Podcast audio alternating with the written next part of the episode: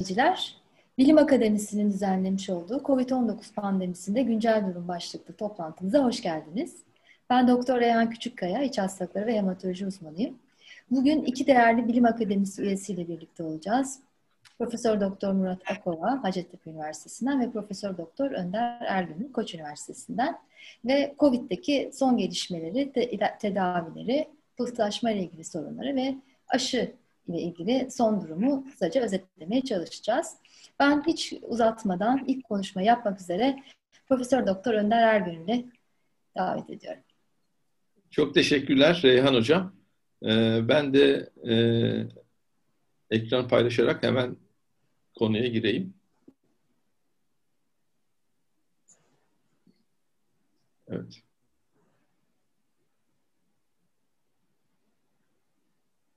Herkese tekrar iyi akşamlar.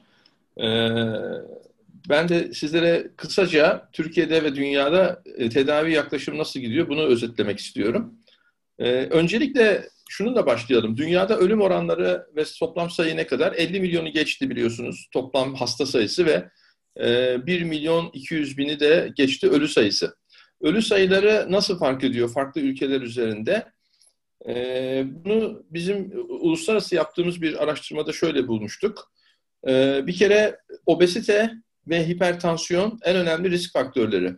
Ee, bunun yanı sıra yaş elbette çok önemli. yaş ortalaması yüksek olan ülkelerde e, ölüm oranları daha yüksek gidiyor. erkek olmak yine bir risk faktörü. bunun yanı sıra hastane yatak kapasiteleri önemli hastane yatak kapasitesi olan e, ülkeler daha şanslı. Bu birinci dalgaya özgü tabii ki bu rakamlar, bu sayılar. Ve e, bir ülkenin e, taşra popülasyon oranı da çok önemli. Yani ülke taşra popülasyonu yüksek demek ne kadar seyrekse nüfusu o kadar avantajlı e, diye özetleyebiliriz. Genel olarak dünyaya bakışı. İkinci dalgada şu an biz bu çalışmamızı 6 ay önce tamamlamıştık, 5 ay önce filan. Epey zaman çok hızlı akıyor bu arada. Şimdi ikinci e, dalgada da bunu tekrarladığımız zaman aynı şeyi gördük. Farklı bir şey görmedik. Aynen devam ediyor bu dalgada da. Şimdi e, bazı önemli, çok önemli şu an bugünden tanıdığımız birkaç konu var. Bir tanesi yeni enfeksiyon. Yeniden enfeksiyon mümkün mü? Özellikle Nevada'dan bildirilen bir vaka üzerinden Mart-Nisan ayında enfekte olan bir kişinin e, tekrar e, enfekte olduğu iki ay süreyle gösterilmişti. Bu çok detaylı, güzel bir şekilde yayınlandı, çalışıldı. Ama reinfeksiyonun, yeniden enfeksiyonun sıklığını tam olarak hala bilmiyoruz. Bizim ülkemizde de var bu vakalar. E, çok yüksek değil bunların sayısı, bunu söyleyebiliriz. Örneğin Amerika Birleşik Devletleri'nde bu toplam vakaları e, bir araya getiriyorlar, topluyorlar. Veya yeniden enfekte olanlar acaba daha mı ağır, daha mı hafif? Kimileri daha ağır olduğunu iddia etse de bazı kaynaklara göre de daha hafif olduğu bildiriliyor. Ve e, eğer reinfeksiyon varsa, yeniden enfeksiyon varsa bu kez aşılarla ilgili durum ne olacak? Bunu artık bırakacağız. Bunu da e, Sayın Murat Akova'nın konuşmasına bırakıp geçiyorum. Bir başka önemli yazı, Türkiye'den de içinde katılımcıların olduğu bir yazı Science dergisine yayınlandı geçen hafta. Ee, burada e, şunu izliyorduk gerçekten de. Ee, hani ilaçla tedaviye gireceğim ama bununla çok yakından ilişkili. Bazı kimselerde beklenmedik ölçüde e, ağır seyrediyor enfeksiyon. Yani en büyük risk faktörleri yaş dedik, obezite dedik ama obezitesi olmayan genç e, bazı kimselerde de beklenmedik bir ölçüde daha ağır seyrettiğine biz tanık olduk. Böyle hastalarımız oldu. Bir sadece biz değil, bütün dünyada bu vakalar oldu. Böyle bir grup oluşmuş çok önceden ve Türkiye'de hasta vererek katkıda bulunmuş ve saptanan şu ki interferon tip 1 interferon e, bağışıklık sisteminde e, doğuştan bir takım genetik hatalar olduğu ileri sürüldü bu kimselerde. Tabii bu çok önemli bir saptama. Tedavi açısından da yeni bir takım ilaçların ortaya çıkmasına işaret etmiş olacak. Ama bu alandaki çalışmalar devam ediyor halen. Aktif, dinamik, heyecanlı bir konu. Ben e, daha önce de kullandığımız belki ama giderek geliştirdiğimiz bir özetle devam etmek istiyorum tedaviye. Tedavi biliyorsunuz kuluçka süresi 2-14 günden sonra e, hastalığın başlamasıyla başlayan bir süreç.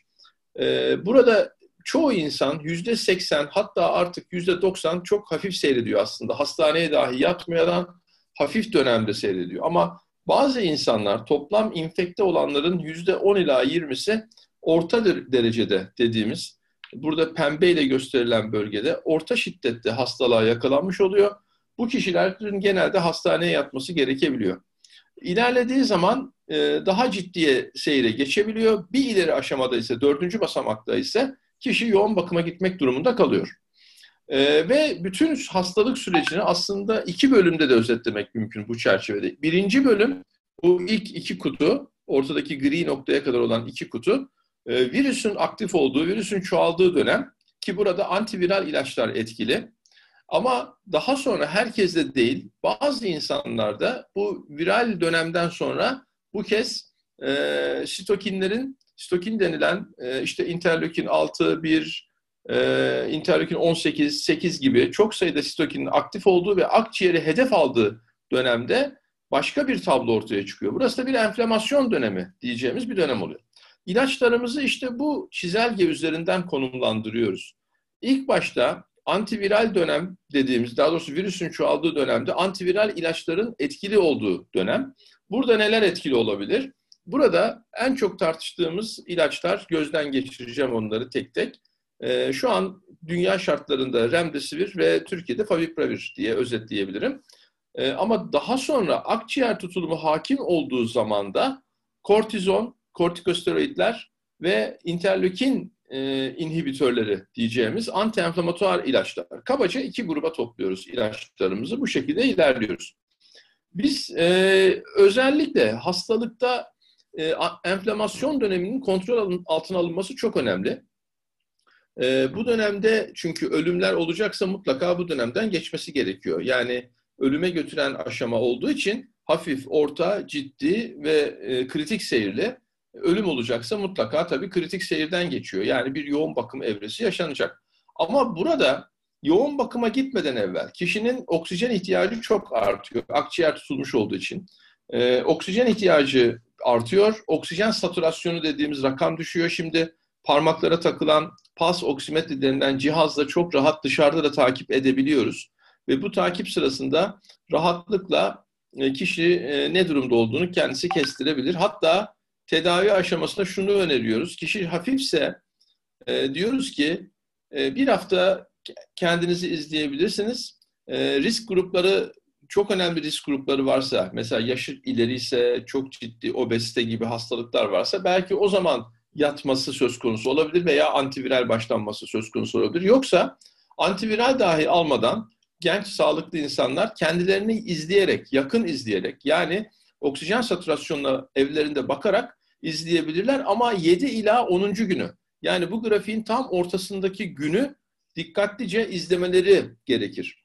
7 ila 10 günde oksijen satürasyonu 93'ün altına düşüyorsa e, ve böyle bir eğim halinde, trend halinde düşüş varsa 95, 94, 93 yavaş yavaş aşağı doğru gidiyorsa o zaman hastaneye yatış çok daha kritik olacaktır. Aksi takdirde hafif vakalarla, orta vakalarla hastanelerimizi doldurmak e, gerçekten bir felakete bizi götürebilir.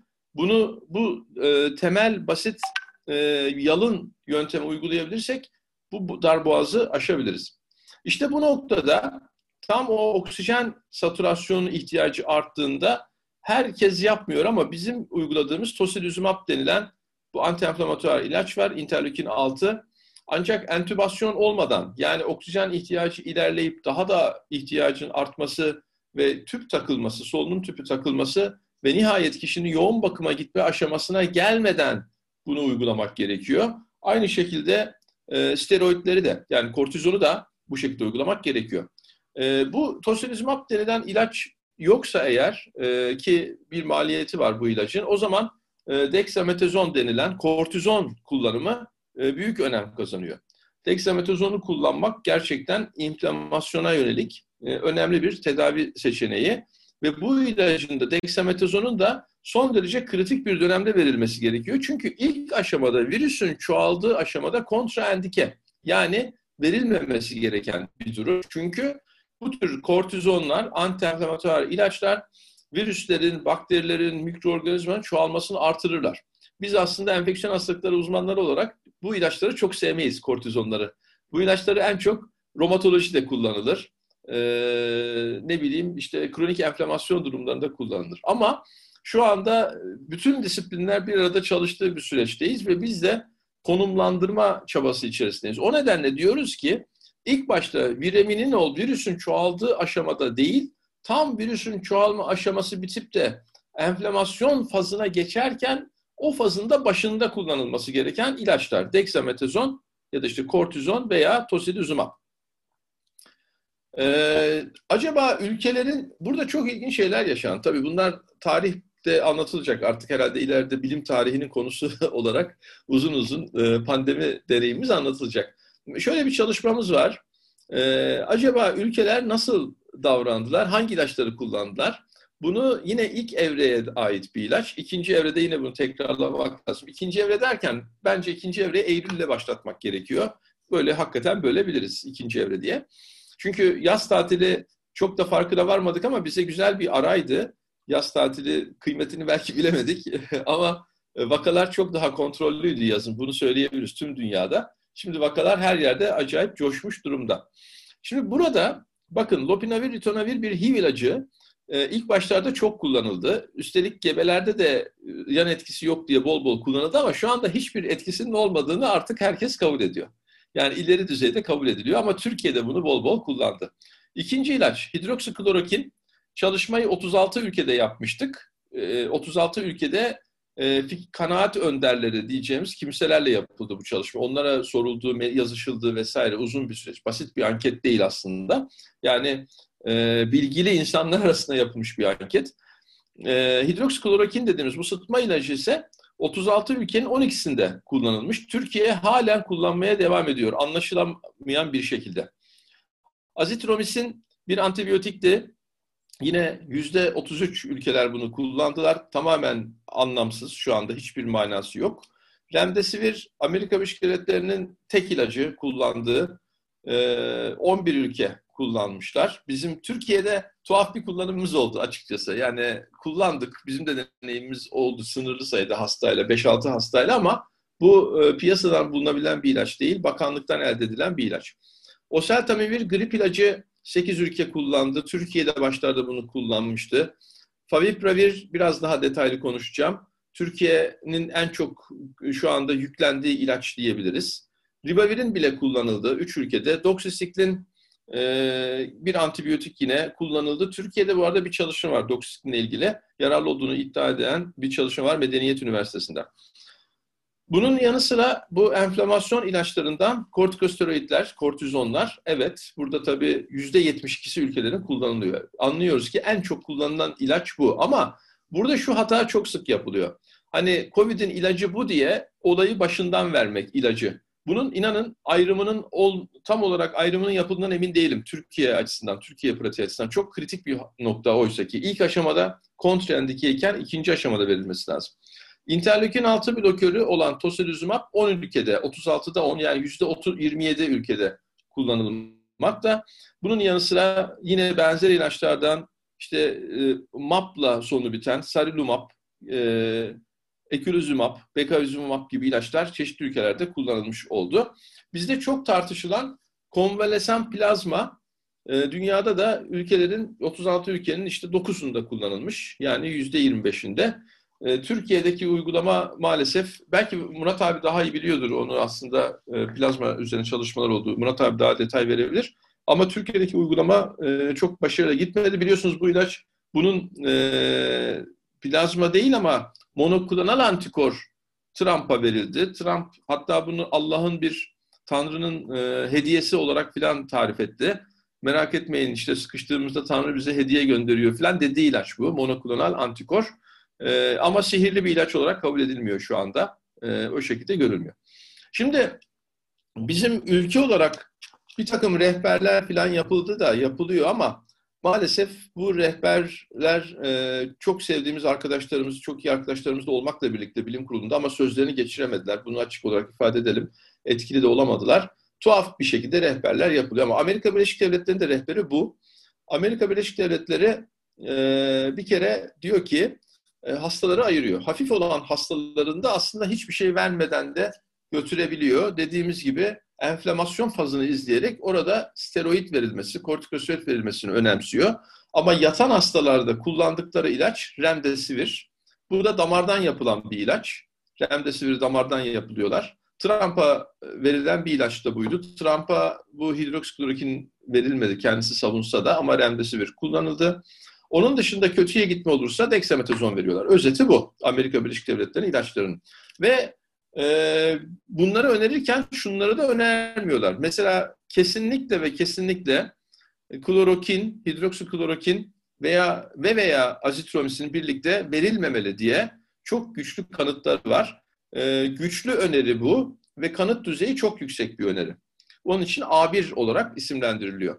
Bunun dışında bizde hala zaman zaman kullanılan bu HIV ilacı lopinavir, ritonavir de aynı şekilde A1 düzeyinde reddediliyor. Yani hem güçlü bir öneri hem de kanıt düzeyi oldukça yüksek. Bir başka şey gene ülkemizde zaman zaman lafı açılıyor. Ivermectin. Ivermectin bir parazit ilacı. Bunun da güçlü bir şekilde reddediliyor. Kanıt düzeyi ama çok yüksek değil. Bir uzman görüşü düzeyinde kanıt düzeyi var. Bunun yanı sıra bizi aslında daha çok ilgilendiren ilaç bence favipravir. Favipravir burada gördüğünüz gibi ABD'de hiç yok. Ee, çok az sayıda ülkede var. Yani toplam şuradan bakarsam tekrar hatır, hatırlatırsam sizlere toplam 36 ülkeye sormuşuz. 7 tanesi kullanmış. Bunlar da Macaristan, Türkiye, Polonya, Tayland, Kore, Sırbistan, Portekiz.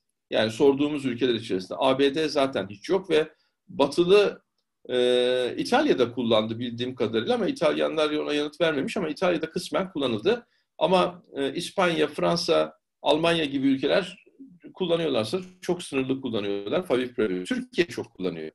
Ve biliyorsunuz bu bir e, Japonya'da Japon grip ilacı olduğu için Japonlar çok önemsiyorlar ama henüz elimizde ciddi bir randomize kontrollü çalışma yok. Bunların ön sonuçları var sadece. Bazı ön sonuçlar var. Ön sonuçlarda erken ve geç tedavi arasında fark yok diyor mesela Japonlar. Bu aslında bir tuzak. Yani faydası varsa erken safhada olması lazım zaten bir ilacın. Geç dönemde zaten fayda beklenmiyor. Erken ve geç dönemde fayda yok deniyorsa faydası şüpheli anlamına gelir. Başka e, iyi bir dergide yayınlanan Rusların bir çalışması var. Rusların yaptığı çalışmaya göre de e, virüs elim, eliminasyonu konusunda e, erken dönemde fark var. Yani favipravir bunu etkiliyor ama geç dönemde fark yok gibi bir, bir şey bildirmişler. Ama e, toplam bakarsanız 60 hastada yapıyorlar bu çalışmayı ve çok ciddi bir dergi olan Clinical Infectious Disease bunu yayınlıyor. Her bir e, grupları var. Üç grup. Her birinde 20-20-20 hasta. Son derece düşük hasta sayıları. E, ama bu da çok güçlü bir çalışma değil. Çalışma normal şartlarda yayınlanmayacak bir çalışma açıkçası. Rusların yapmış olduğu bir çalışma. Şimdi buradan özetlersek bir kere hidroksiklorokin, lopinavir, ritonavir bunlar tarihe geçti. Yani pandemide artık bunlar yararsız. Ama bakın Sağlık Bakanlığımız e, protokolünde, algoritmasında hala hidroksiklorokin diyor. Yani bunu çıkartmadı bir türlü. İnatla çıkarmıyorlar. Bunu neye dayanarak yapıyorlar? Bunu kimsenin bildiği de yok. E, kısmen yararlı dediğimiz remdesivir de mucize bir ilaç değil. Her aşamada çok güçlü bir ilaç değil ama olabilen antiviraller içerisinde olabilecek bana kalırsa da en etkili ilaç. Fakat bunun da şöyle bir sorunu var. E, oldukça pahalı bir ilaç. 5 e, günlük tedavi dozu e, yaklaşık e, 15-20 bin liraya geliyor. Dolayısıyla bir hükümet politikası olarak bu ilacın getirilmesi ve uygulanması da son derece zor. E, bir takım anlaşmalar vesaire olacaktır. Ama bu ilacı e, sonuç olarak e, batılı meslektaşlarımız antiviral ne yaparsınız dendiğinde çok etkili olmamakla birlikte bunu kabul ediyorlar. Favipravir dediğim gibi Rusya, Japonya e, birkaç ülkede, 3-5 ülkede uygulanıyor. Türkiye'de de e, illa bir ilaçsa ulaşımı kolay olduğu için, bakanlık verdiği için tamam o zaman demek zorunda kaldığımız bir ilaç aslında. Diğerlerinden de tocilizumab özetle interleukin 6 inhibitörü yine e, maliyet sorunuyla karşımıza çıkmakta. Bana kalırsa bizim klinik deneyimlerimiz hani bu ilacı destekleyen çok ciddi bir yayın olmasa da klinik deneyimlerimiz çok dikkatli verildiğinde çok kritik bir noktada yararlı olabileceği konusunda var olan ilacın etkili olmadığını anlatan çalışmalar e, o derece hassas değil yaptıkları hasta seçimi grubu açısından. Bunları dikkatle incelediğimizde görüyoruz ki e, bu randomize kontrollü çalışmalar çok önemli, çok kritik ama e, tedavi esnasındaki o hastanın tam geçiş aşamasındaki hassasiyeti yansıtmıyor bu çalışmalar. Bunların da en güçlüsü e, büyük, en önemli dergilerden New England Journal of Medicine'e yayınlandı, yararı yok diye. Biz de açıkçası bir e, mektup yolladık onlara ama e, yerimiz yok diye kabul etmediler. Demek ki daha önemli mektuplar da gitmiş diyelim. Bekliyoruz e, ne gibi yorumlar olacak o çalışmaya. Tabii e, tocilizumab'a ulaşamıyorsak, e, seçenek yoksa dexamethasone. Özetle burada e, remdesivir yoksa favipravir belki e, dexamethasone ulaşılabilirse tocilizumab belki diye toparlayabilirim. Hemen hemen e, tüm dünyadaki yaklaşımı bu şekilde özetleyebiliriz Türkiye ve dünyada. Sanırım vaktimi herhalde tam olarak kullanmış oldum. Teşekkür ederim sandığınız. Çok teşekkürler Önder Hocam e, bu detaylı sunumunuz için. Soruları en sonunda cevaplayacağız. Şimdi e, ikinci konuşma için de ben e, sunumumu sizlerle paylaşacağım.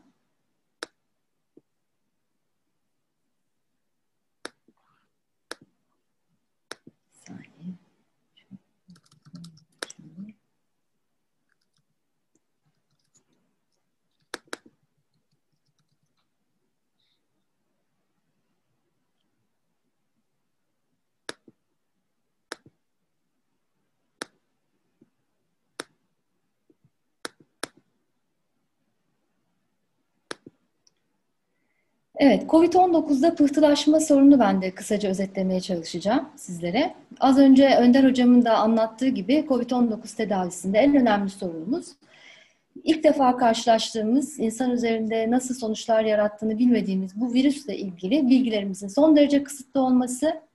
Bu konuda da e, yayınlanan çalışmaların son derece az sayıda hasta isteyen ve çoğu da kontrolsüz çalışmalar olması ve biriken bilginin son derece yanlı olması. Literatürde çıkan çalışmaların bir kısmını okuduğunuzda e, bu çalışmaların normal zamanlarda yayınlanmasının imkansız olduğunu görüyorsunuz ama maalesef bu verilere dayanarak bir takım algoritmalar oluşturuluyor. Bunların e, ileride nasıl sonuçlar yarattığını da hep beraber göreceğiz.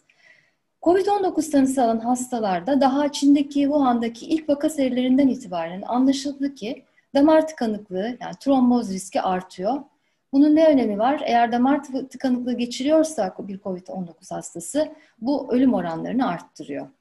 Çok kısaca trombozun ne olduğunu anlatarak başlamak istiyorum. Çünkü e, bunun arkasından infeksiyondaki trombozların nasıl geliştiğini anlamamız mümkün olacak. Kalp damar sisteminde kanın hücreleri veya pıhtılaşma sistemi e, proteinleri tarafından oluşturulan tıkaçlara tromboz adını veriyoruz. Trombozlar damar sisteminde oluşturulan tıkaçlar kan akımını bozuyorlar ve dokunun beslenmesine engel oluyorlar. Bu nedenle çok önemli. Normalde kan damarlarını elastik boru sistemleri olarak düşünebiliriz. Bu elastik boru sistemlerinin içerisini yalıtan endotel adı verilen hücreler var. Bunlar aynı yer karoları gibi damarın içeri iç kısmını döşüyorlar ve kan hücrelerinin herhangi bir sorun yaşamadan üzerinden kaygan bir biçimde akmasını sağlayan yüzeyler oluşturuyorlar. Hiçbir şekilde kan hücreleri e, bu döşemelerin arasından damar dışarısına dışına ulaşamıyor normal şartlar içerisinde.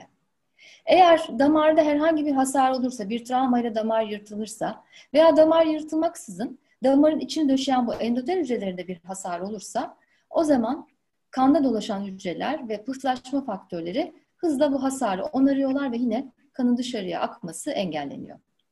Bu işte görevli normalde kan pulcukları dediğimiz hücreler olduğunu düşünüyorduk. Sadece kan pulcuklarının başlangıçta e, görevi olduğunu düşünüyorduk bu yamama işleminin. Kan pulcukları normalde yuvarlak oval dolaşırken e, herhangi bir uyarı olduğunda, damar yırtıldığında meydana gelen uyarılar eşliğinde şekil değiştirip birbirlerine bağlanarak ilk yamayı oluşturuyorlar.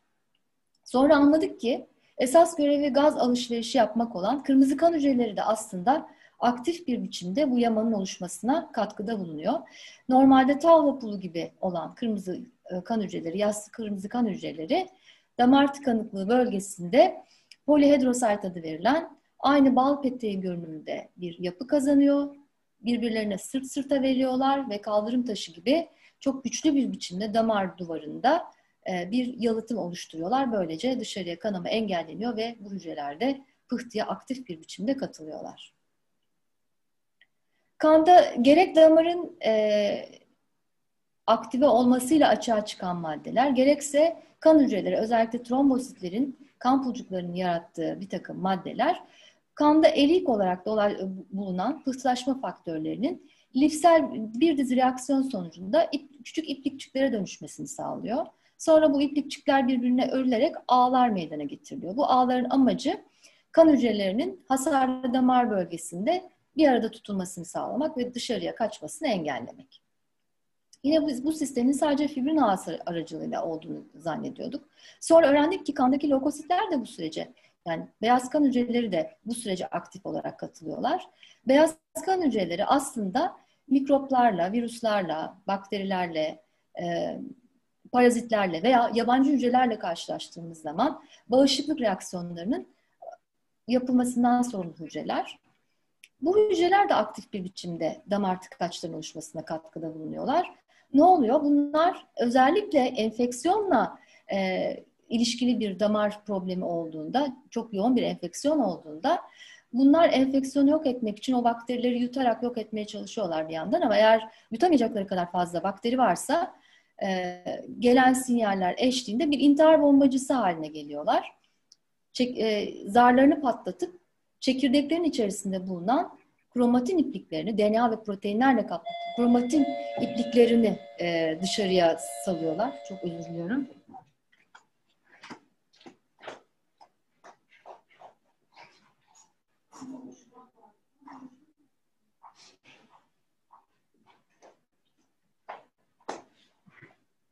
Çok çok özür dilerim. İntihar bombacısı şeklinde kromatin ipliklerini dışarıya salıyorlar ve bu kromatin ipliklerinin üzerinde ki negatif e, elektrik yükü sayesinde bütün bakteriler ortama çekiliyor ve e, DNA ve histon proteinleri bu bakterileri bir yandan öldürüyor, bir yandan da aynı örümcek ağı şeklinde bir arada toplayarak kana daha fazla bakterinin ulaşmasını engelliyorlar. Yani tüm kan hücreleri aktif bir, biçer, bir, bir biçimde kanda pıhtı oluşumuna katkıda bulunuyorlar. Tromboz hangi damar sisteminde olduysa oraya özel bir takım bulgular veriyor. Eğer kalp damarı tıkanırsa kalp krizi geçiriyor kişi. Eğer e, beyin damarı tıkanırsa o zaman inmeyle karşımıza geliyor. E, maalesef kalp krizi ve beyin damar tıkanıklıkları tüm dünyada bir numarada ölüm sebebi. Her yıl yaklaşık 17 milyon kişi bu nedenle hayatını kaybediyor. Bazen küçük damar tıkanıklıkları görüyoruz. Bu küçük siyah noktalar tıkanan mikrodamarlar. Bunlar da ciddi organ kaybına neden oluyor. Özellikle iç organlarda, böbrekte başta olmak üzere, böbrek, akciğer ve karaciğerde ciddi sorunlara neden olabiliyorlar. Uzun yıllar hiç anlam verilmeyen ve önemsenmeyen toplar damar tıkanıklıkları ise son yıllarda önemi anlaşılan bir diğer durum. Toplar damar tıkanıklıkları genellikle bacakta oluyor. Tek taraflı şişlik, kızarıklık ağrıyla kendini gösteriyor. En korktuğumuz komplikasyon burada oluşan küçük pıhtıdan kopan bir parçanın gidip akciğer damarlarını tıkaması ve pulmoner emboli dediğimiz akciğer embolisine neden olması. Bu da yine ani ölüm sebebi. Her yıl yaklaşık dünyada 3 milyon insanın bu nedenle hayatını kaybettiğini düşünüyoruz. Son 15 yılda toplar damar tıkanıklığı ile ilgili epidemiolojik çalışmaların artmasıyla bunun ne kadar önemli bir olay olduğu tekrar ortaya kondu. Örneğin Amerika Birleşik Devletleri'nde toplar damar tıkanıklığı ve bunun komplikasyonları sonucunda ortaya çıkan ölümler aslında AIDS, kanser ve trafik kazalarından ölen insanların toplamından çok daha fazla. Bu nedenle yine son 15 yılda hem doktorlara hem de hast, e, genel topluma venöz tromboemboli yani toplar damar tıkanıklığının nasıl oluştuğu konusunda bilgilendirmeler yapılıyor. Eğer toplar damar tıkanıklığını erken tanımazsak ve iyi tedavi etmezsek bacakta varisler ortaya çıkıyor. Ve bu ciddi iş kaybına neden oluyor. Ve daha ileri giderse kapanmayan yaralar, renk değişikliği, bacakta incelmelerle kendini gösteriyor. Biz biliyoruz ki en önemli risk faktörleri damar tıkanıklığında kötü beslenme, obezite, egzersiz yapmama, sigara tüketme, yeteri kadar su içmeme. Bunun dışında bazı fizyolojik durumlarda, örneğin gebelikte özellikle gebeliğin son döneminde damar tıkanıklığı riski artıyor. Bazı hastalıkların seyri sırasında özellikle kalp damar hastalıkları, kanser gibi yine pıhtı riski artıyor. Hormon tedavisi almak kadınlarda risk nedeni. E, cerrahi girişimler özellikle ortopedik operasyonlarda risk fazla ve uzun süreli yolculuklarda 4-6 saate aşan uçak yolculuklarında örneğin damar tıkanıklığı riski artıyor.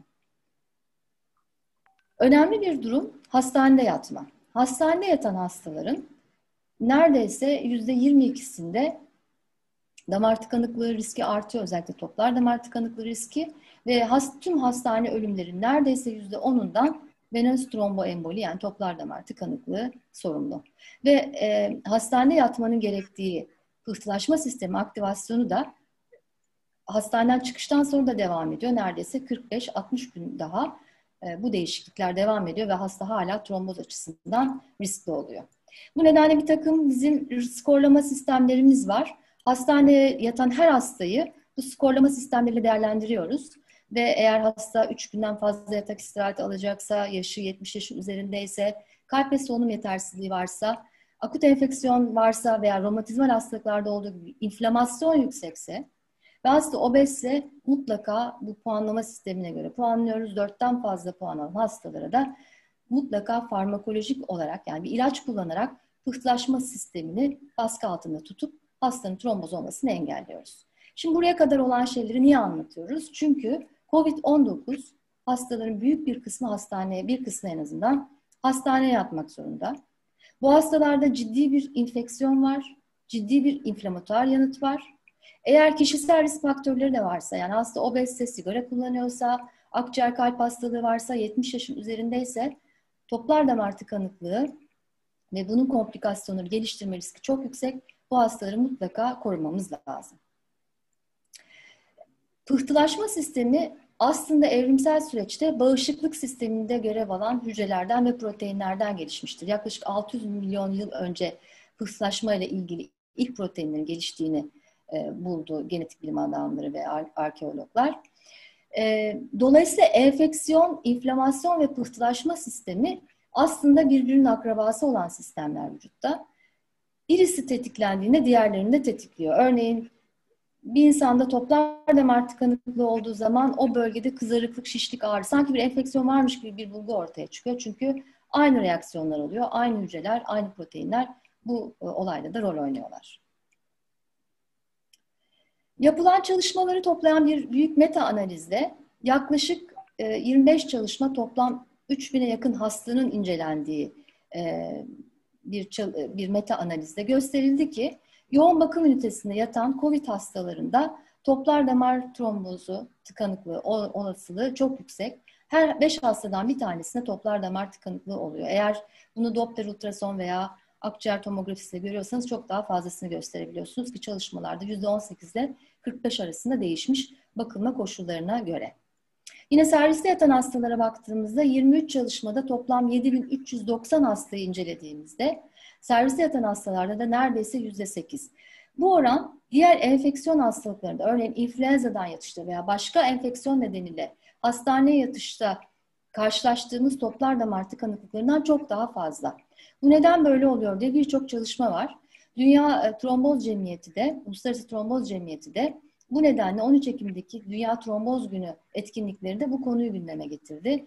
Mutlaka bütün doktorların hastaneye yatırdıkları COVID hastalarını damar tıkanıklığı açısından değerlendirmesi gerektiğini belirten Eyes Open to Thrombosis başlığıyla sundu bu sene. COVID-19 hastalarında inflamasyonu belirte, gösteren belirteçlerin artışı hemen daima pıhtılaşma sisteminde aktivasyonunu birlikte getiriyor. Ee, yapılan otopsi çalışmalarında gösterildi ki bu hastalarda toplar damar, örneğin COVID-19 nedeniyle e, yoğun bakımda yatan hastada bacak toplar damarlarında toplar damar trombozu gelişme riski yüksek ve buradan kopan parçalar akciğerde damar tıkanıklığına neden olabiliyor. Ama bunun dışında akciğerde de ciddi küçük damar hastalığı var. Ve hastaların bir kısmında sadece akciğere lokalize, küçük damarları tutan bizim mikroanjiyopati dediğimiz ve daha çok otoimmün hastalıkların bağışıklık sistemini ilgilendiren bozuklukların seyrinde görmeye alışık olduğumuz bir takım bulgular var. Dolayısıyla COVID'de standart pıhtılaşma sistemi aktivasyonu dışında tutulan organa yönelik başka problemlerin de olduğu gösterildi. Özellikle COVID'in endotel alveolleri uyarıp alveolit de neden olduğunu, e, alveollerle hemen yan yana olan küçük damarları da endotelini de uyararak buraya inflamasyonla görevli olan hücreleri çektiği, alveolleri sıvıyla doldurarak gaz alışverişini bozduğu, e, nötrofilleri uyararak nötrofillerin net adını verdiğimiz o intihar bombacıları haline gelmelerinin neden olduğu ve pıhtılaşma sistemini kuvvetli bir biçimde uyardığı, bir yandan da vücudun kendi pıhtı eritici sistemini baskılayarak pıhtının daha uzun süre küçük damarlarda kalmasına neden olduğu gösterildi. Hem alveoller dolu hasta gaz alışverişini yapamıyor hem de damarları tıkanmış durumda. Bu durum işte hastanın akciğer yetersizliğinin çok ağırlaşmasına ve ölüme giden e, yolculuğun başlamasına maalesef neden oluyor. Bu nedenle Dünya Tromboz Cemiyeti COVID-19 tanısıyla hastanede yatan bütün hastalara, hastanede yatış söz konusuysa bütün hastalara e, önleme dozunda, profilaksi dozunda düşük molekül ağırlıklı heparin dediğimiz özel kan sulandırıcı iğnelerin yapılması gerektiğini e, önerdi. Dünya Sağlık Örgütü de aynı çağrıda bulundu. Hatta daha ileri giderek damarda pıhtı riskini belirten bazı belirteçleri izleyip bu belirteçlerin miktarına göre de tedavi dozuna kadar uzanan doz değişimi yapılabileceği düşünüldü. Ama hala hala hazırda kullanılan sistem önleyici dozda tedavi. Eğer hastada kan sulandırıcı ilaç kullanımına engel bir durum varsa bazen hastaların kan pulcukları çok düşük olabiliyor. Kanama bulguları ön planda oluyor. O zaman hiç olmazsa e, dereceli basınçlı çoraplar veya sürekli bacağı masaj yapan intermittent pneumatik kompresyon cihazlarıyla hiç olmazsa bacaklarda pıhtı oluşmasının engellenmesi gerektiği konusunda da hemfikirler. Sağlık Bakanlığı kılavuzumuzda da yine aynı şekilde inflamasyonla ilgili belirteçler varsa ve pıhtılaşma sisteminin aktivasyonunu gösteren bir takım e, belirteçler varsa mutlaka bu hastalara da düşük molekül arpa heparin dediğimiz kan sulandırıcı iğnelerin kullanılması gerektiğini ve bunların profilaksi dozu yani önleme dozunda kullanılması gerektiğini belirtiyor Sağlık Bakanlığı da. Ee, hastanede yatan hastalarda ağızdan hap şeklinde alınan ilaçları çok tercih etmiyoruz. Kan sulandırıcılarını çok tercih etmiyoruz. Hastaneden çıkışta ise evde eğer hala hastanın riski yüksekse o zaman ancak e, ağızdan haplar da seçenekler arasında girebilir. Bizim kılavuzumuzda aspirin bazı gruplarda önerilmemektedir deyip ucu açık bırakılıyor ama aspirinle ilgili bilgiler oldukça karmaşık. Aspirin normalde kan pulcuklarının bir araya gelmesini engelleyen bir ilaçtır ve atar damar trombozlarının takibinde kullanılır. Aspirin daha çok venöz sistem trombozlarının arttığı COVID hastalarında birinci basamakta seçilecek ilaç değil. Ama eğer hastanın stent gibi, e, stenti varsa, koroner arter hastalığı varsa, daha önce kalp krizi geçirmişse, daha önce inme geçirmişse veya atar damarda herhangi bir bozukluk gösterilmişse rutin düşük molekül ağırlıklı heparinle yapılan, kan sulandırıcılarıyla yapılan tedavi ek olarak kullanılabilir. Aspirinle ilgili e, yapılan e, bir takım derlemelerde aspirinin inflamasyonu özelliği, önleyici özelliğinden ve antiviral etkinliğinden faydalanabileceğimiz anlatılıyor ama aspirin özellikle kanama riski nedeniyle bu hastalarda kullanılması sorunlu, özellikle hastanede yatarken. Eğer bu hastalar herhangi bir girişim yapılması gerekirse aspirinin uzun etkisi nedeniyle kestikten sonra hastaya trombosit vermemiz gerekebilir acil girişimlerde. Çocuklarda özellikle karaciğere toksik bir takım reaksiyonları tetikleyebildiğini biliyoruz. Covid-19'da etkinliği hakkında yapılmış doğru düzgün e, uluslararası standartlara uygun herhangi bir çalışma yok. Ancak arter tıkanıklığı varsa tedavi eklenebilir. Bir dönem dipiridamol üzerinde çok duruldu. Dipiridamol fosfodiesteraz inhibitörü. Bu da yine kan pulcuklarının bir araya gelmesini engelleyen bir ilaç. Dipiridamol kullanan grupta e, anlamlı miktarda D-dimer azalması oldu. Trombosit ve lenfosit artışı oldu. Ve klinik e, sonuçların daha iyi olduğunu gösteren bir çalışma var sadece Çin'den. Ancak o da az sayıda hasta içeriyor. Toplam e, hasta grubunda 14, kontrol grubunda da 17 hasta var sadece. Ve bu çalışmalarda bir daha e, aynı e, benzer sonuç veren çalışmalar gösterilemedi. Yine tirofibandini denen başka bir aspirine benzeyen etki mekanizması açısından başka bir ilaç kullanıldı. E, bir ilaçla ilgili çalışmalar var. Ancak bunda da sadece 5 hasta ve 5 kontrol grubu e, da hasta kullanılmış. Yani son derece az sayıda hasta içeren ve son derece e, sonuçları tartışmalı olan çalışmalar. Sonuç olarak COVID-19 tanısıyla hastanede yatan, ağır inflamasyon bulguları olan hastalarda pıhtı riski yüksek. Mutlaka pıhtı açısından önlemleri almamız lazım. Bu hastalara kan grubu, kan sulandırıcı tedavi olarak heparin grubu e, iğneler kullanmamız gerekiyor. Şu anki bilgiler bunu gösteriyor. Esas tedavi aslında bu inflamasyon neden olan virüsün yarattığı inflamasyon tablosunun durdurulması. Eğer pıhtı riskini arttıran kişisel faktörler varsa bu açıdan çok dikkatli olmak lazım. Ve e, COVID pandemisinde mutlaka sağlıklı bireylerin, şu anda COVID'e yakalanmamış sağlıklı bireylerin beslenme konusunda ve e, kişisel bakım konusunda çok dikkatli olmaları gerekli. Ben sabrınız için çok teşekkür ediyorum ve son sunum yapmak üzere Murat Akova'yı davet ediyorum. Ee, çok teşekkürler Reyhan Hocam. Ee, ben de ekranımı şöyle paylaşayım. Evet, ben de bu e, iki güzel ve e, detaylı sunumdan sonra e, COVID-19 hastalığında aşı deneyimi ve hastalığa karşı gelişen bağışıklık ve bu bağışıklığı etkileyen faktörler bu arada virüsün mutasyonuyla ilgili elimizde olan son verilerden bahsetmeye çalışacağım. Şimdi aslında e, biz şu anda bilimsel açıdan da e, son yaklaşık 10 aylık bir süre içerisinde tarihi bir süreci yaşıyoruz.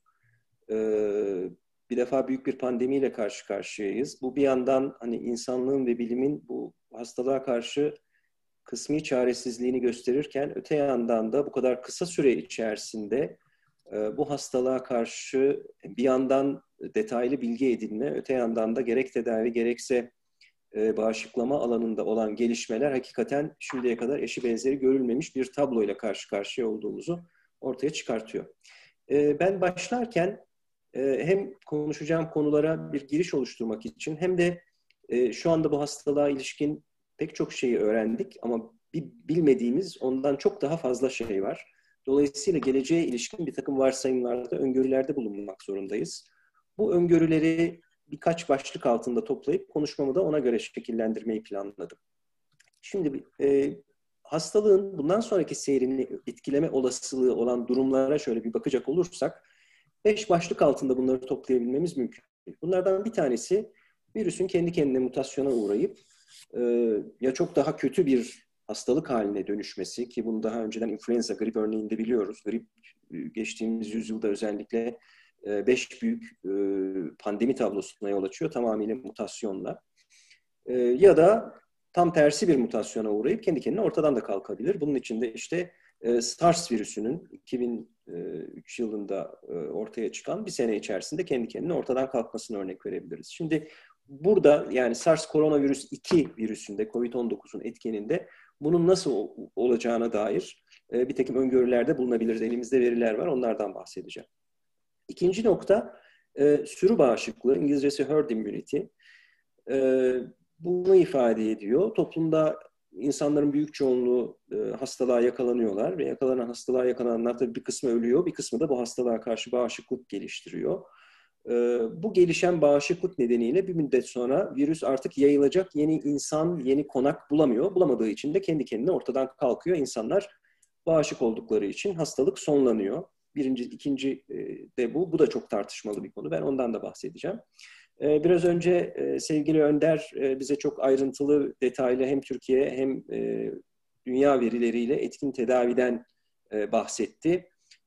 Tedavinin yanı sıra virüsten korunmayla ilgili de bir takım şeyler olabilir. Bu akşam ondan bahsetmedik ama belki soru gelirse bir iki cümleyle bahsedebiliriz ama ben hiç konuşmayacağım. Benim tabii esas değinmek istediğim konu bağışıklama yani aşılama yoluyla bu hastalığa karşı e, bağışıklık geliştirip bir önceki işte sürü bağışıklığında doğal infeksiyonla ortaya çıkan e, durumu biz acaba insanları aşılayarak yapabilir miyiz? şu anda en çok üzerinde tartışılan e, son birkaç gün içerisinde de yeniden bu tartışma ve e, alevlendi ve heyecanlandı. O konudan bahsedeceğim. Ayrıca kişiselleştirilmiş bir takım tıp yaklaşımları da söz konusu olabilir. Bununla ilgili çok e, öncül bir takım çalışmalar var. Ama gene soru gelirse belki onlardan bahsedilir. Ben onlara da çok fazla değinmeyeceğim. Şimdi önce biraz virüsten isterseniz bahsedeyim. Bu virüs dinleyicilerimiz arasında tıp dışında kişiler olduğunu da varsayarak söylüyorum. Yoksa hani Covid'le bir parça aşina olan insanların artık e, için çok sıradan bir konu. E, diken proteini ya da spike proteini adını verdiğimiz virüs hücresinden dışarıya doğru çıkan ki zaten koronavirüse ismini de belki veren bu. Korona touch demek işte touch gibi o dikenleri, çıkıntıları simgeliyor bu. Aslında şöyle üçlü lale biçiminde bir protein var.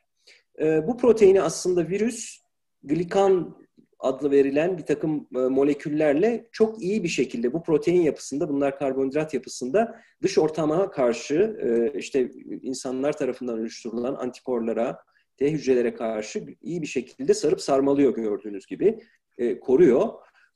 Bu T, spike proteini hareketli de bir protein.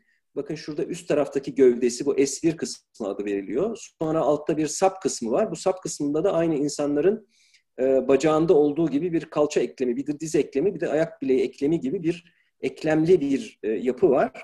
Virüs bu yapı içerisinde e, aslında spike proteinini sürekli olarak şu şekilde hareket ettiriyor gördüğünüz gibi. Deyim yerinde ise kendine av arıyor e, bu proteinler. Sonra uygun hücreyi bulduğunda o hücre üzerinde AC2 reseptörü adı verdiğimiz reseptöre şuradan hemen uç kısmından, çok küçük bir kısmından gidiyor bağlanıyor. Tabi bu bağlanma e, için bunu kolaylaştırıcı hücre yüzeyinde yer alan başka bir takım moleküller, proteinler veya glikoproteinler var. E, onları da giderek öğreniyoruz.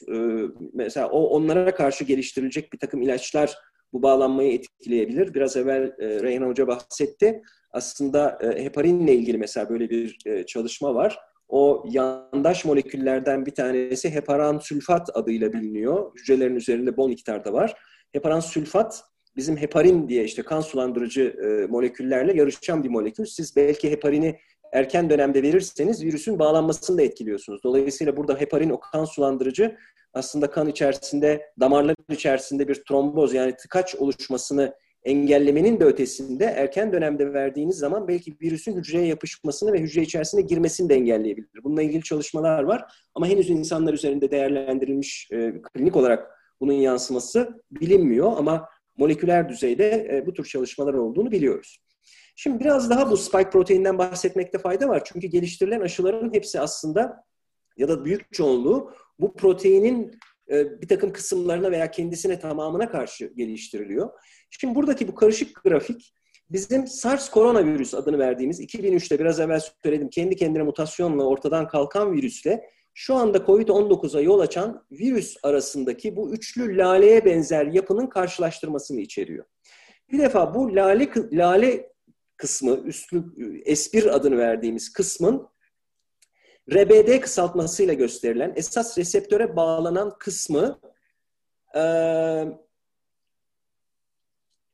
orijinal SARS virüsünde yani 2003'teki virüste dik bir şekilde, açık bir şekilde duruyor deyimi yerindeyse.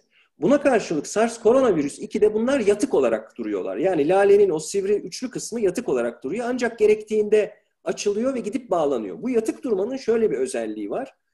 Yatık duran e, bu lale kısmı antikorlardan ve vücudun savunma mekanizmalarından kendini koruyor. Dolayısıyla normal koşullarda bu virüse karşı antikor gelişmesi, antikorların etkili olması bir miktar daha az. Ama bunu virüs tabii yatık durduğu için hücreye de gidip bağlanamadığından ötürü bunu kompanse etmek için biraz evvel sözünü ettiğim esas reseptör olan hücre üzerindeki AC2 AC2 reseptörüne e, daha fazla miktarda bağlanıyor. Yani afinitesini e, yükseltiyor. Bu sayede daha fazla miktarda bağlanabiliyor. Dolayısıyla yani SARS koronavirüs orijinalinden daha mükemmel bir şekilde e, mutasyona uğramış bir virüsle karşı karşıyayız. Şimdi hemen buradan bu virüsteki mutasyonlar ne durumda ona geçmek istiyorum. Önce şunu söylemek lazım. Aslında koronavirüsler mutasyon açısından çok başarılı bir virüs grubu değil. Ee, bunların e, RNA'larını çok efektif bir şekilde tamir eden mekanizmalar var. O nedenle ortaya çıkan ciddi mutasyonlar hemen bu mekanizmalar tarafından tamir ediliyor. Ama buna rağmen virüs gene de mutasyona uğruyor.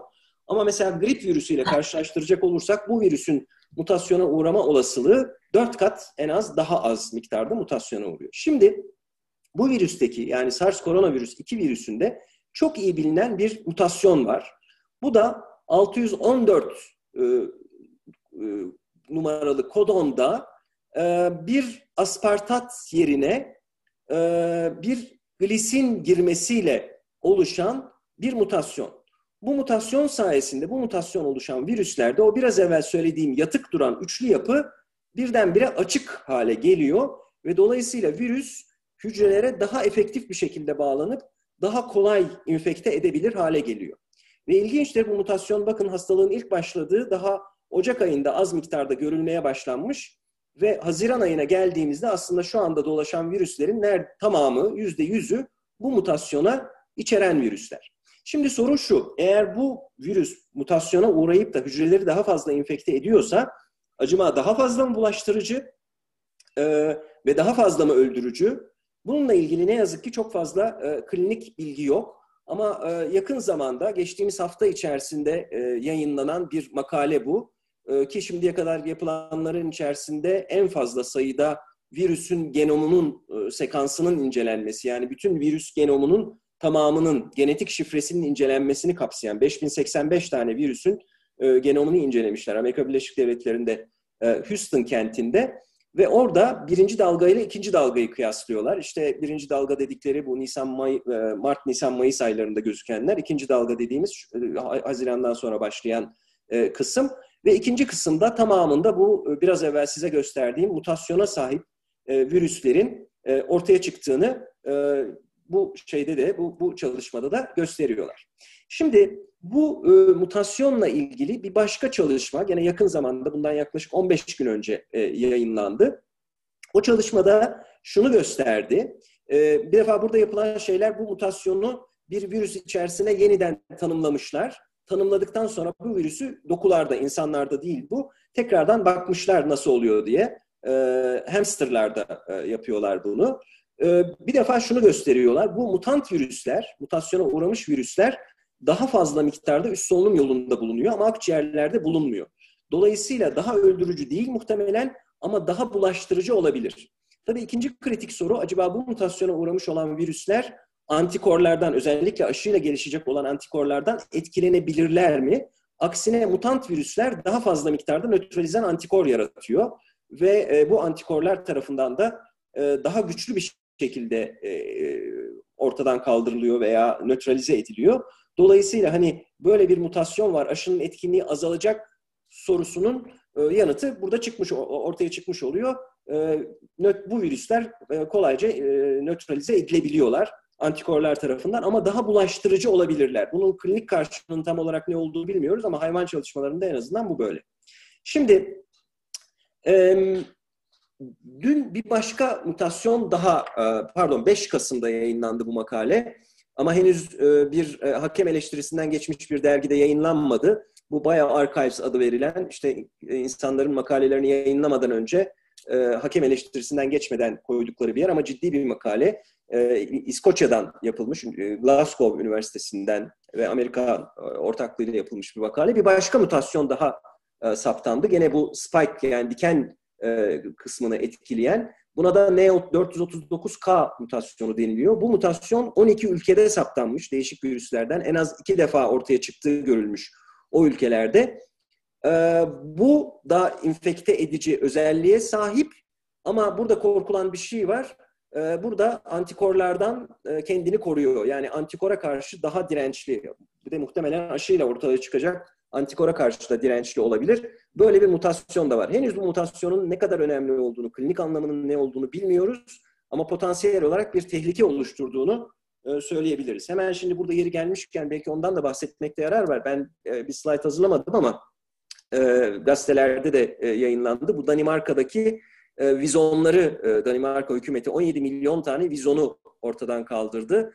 Vizonlar insana virüsü virüsün insanlardan vizonlara, vizonlardan da insanlara bulaşma potansiyeli var. Belki de tek hayvan bu, insanları tekrardan bulaştırabilen.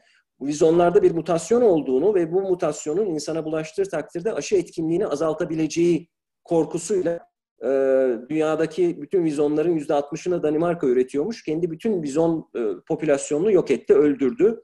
E, ama bir bilimsel makale de değil bu. Yani bir gazete haberi gibi işte Sağlık Bakanlığı'nın açıkladığı bir basın bülteniyle e, yayınlanmış bir şey. E, bir yandan da eleştiri de alıyor ama işte korkudan insanların neler yapabileceklerine bir örnek teşkil ediyor aslında.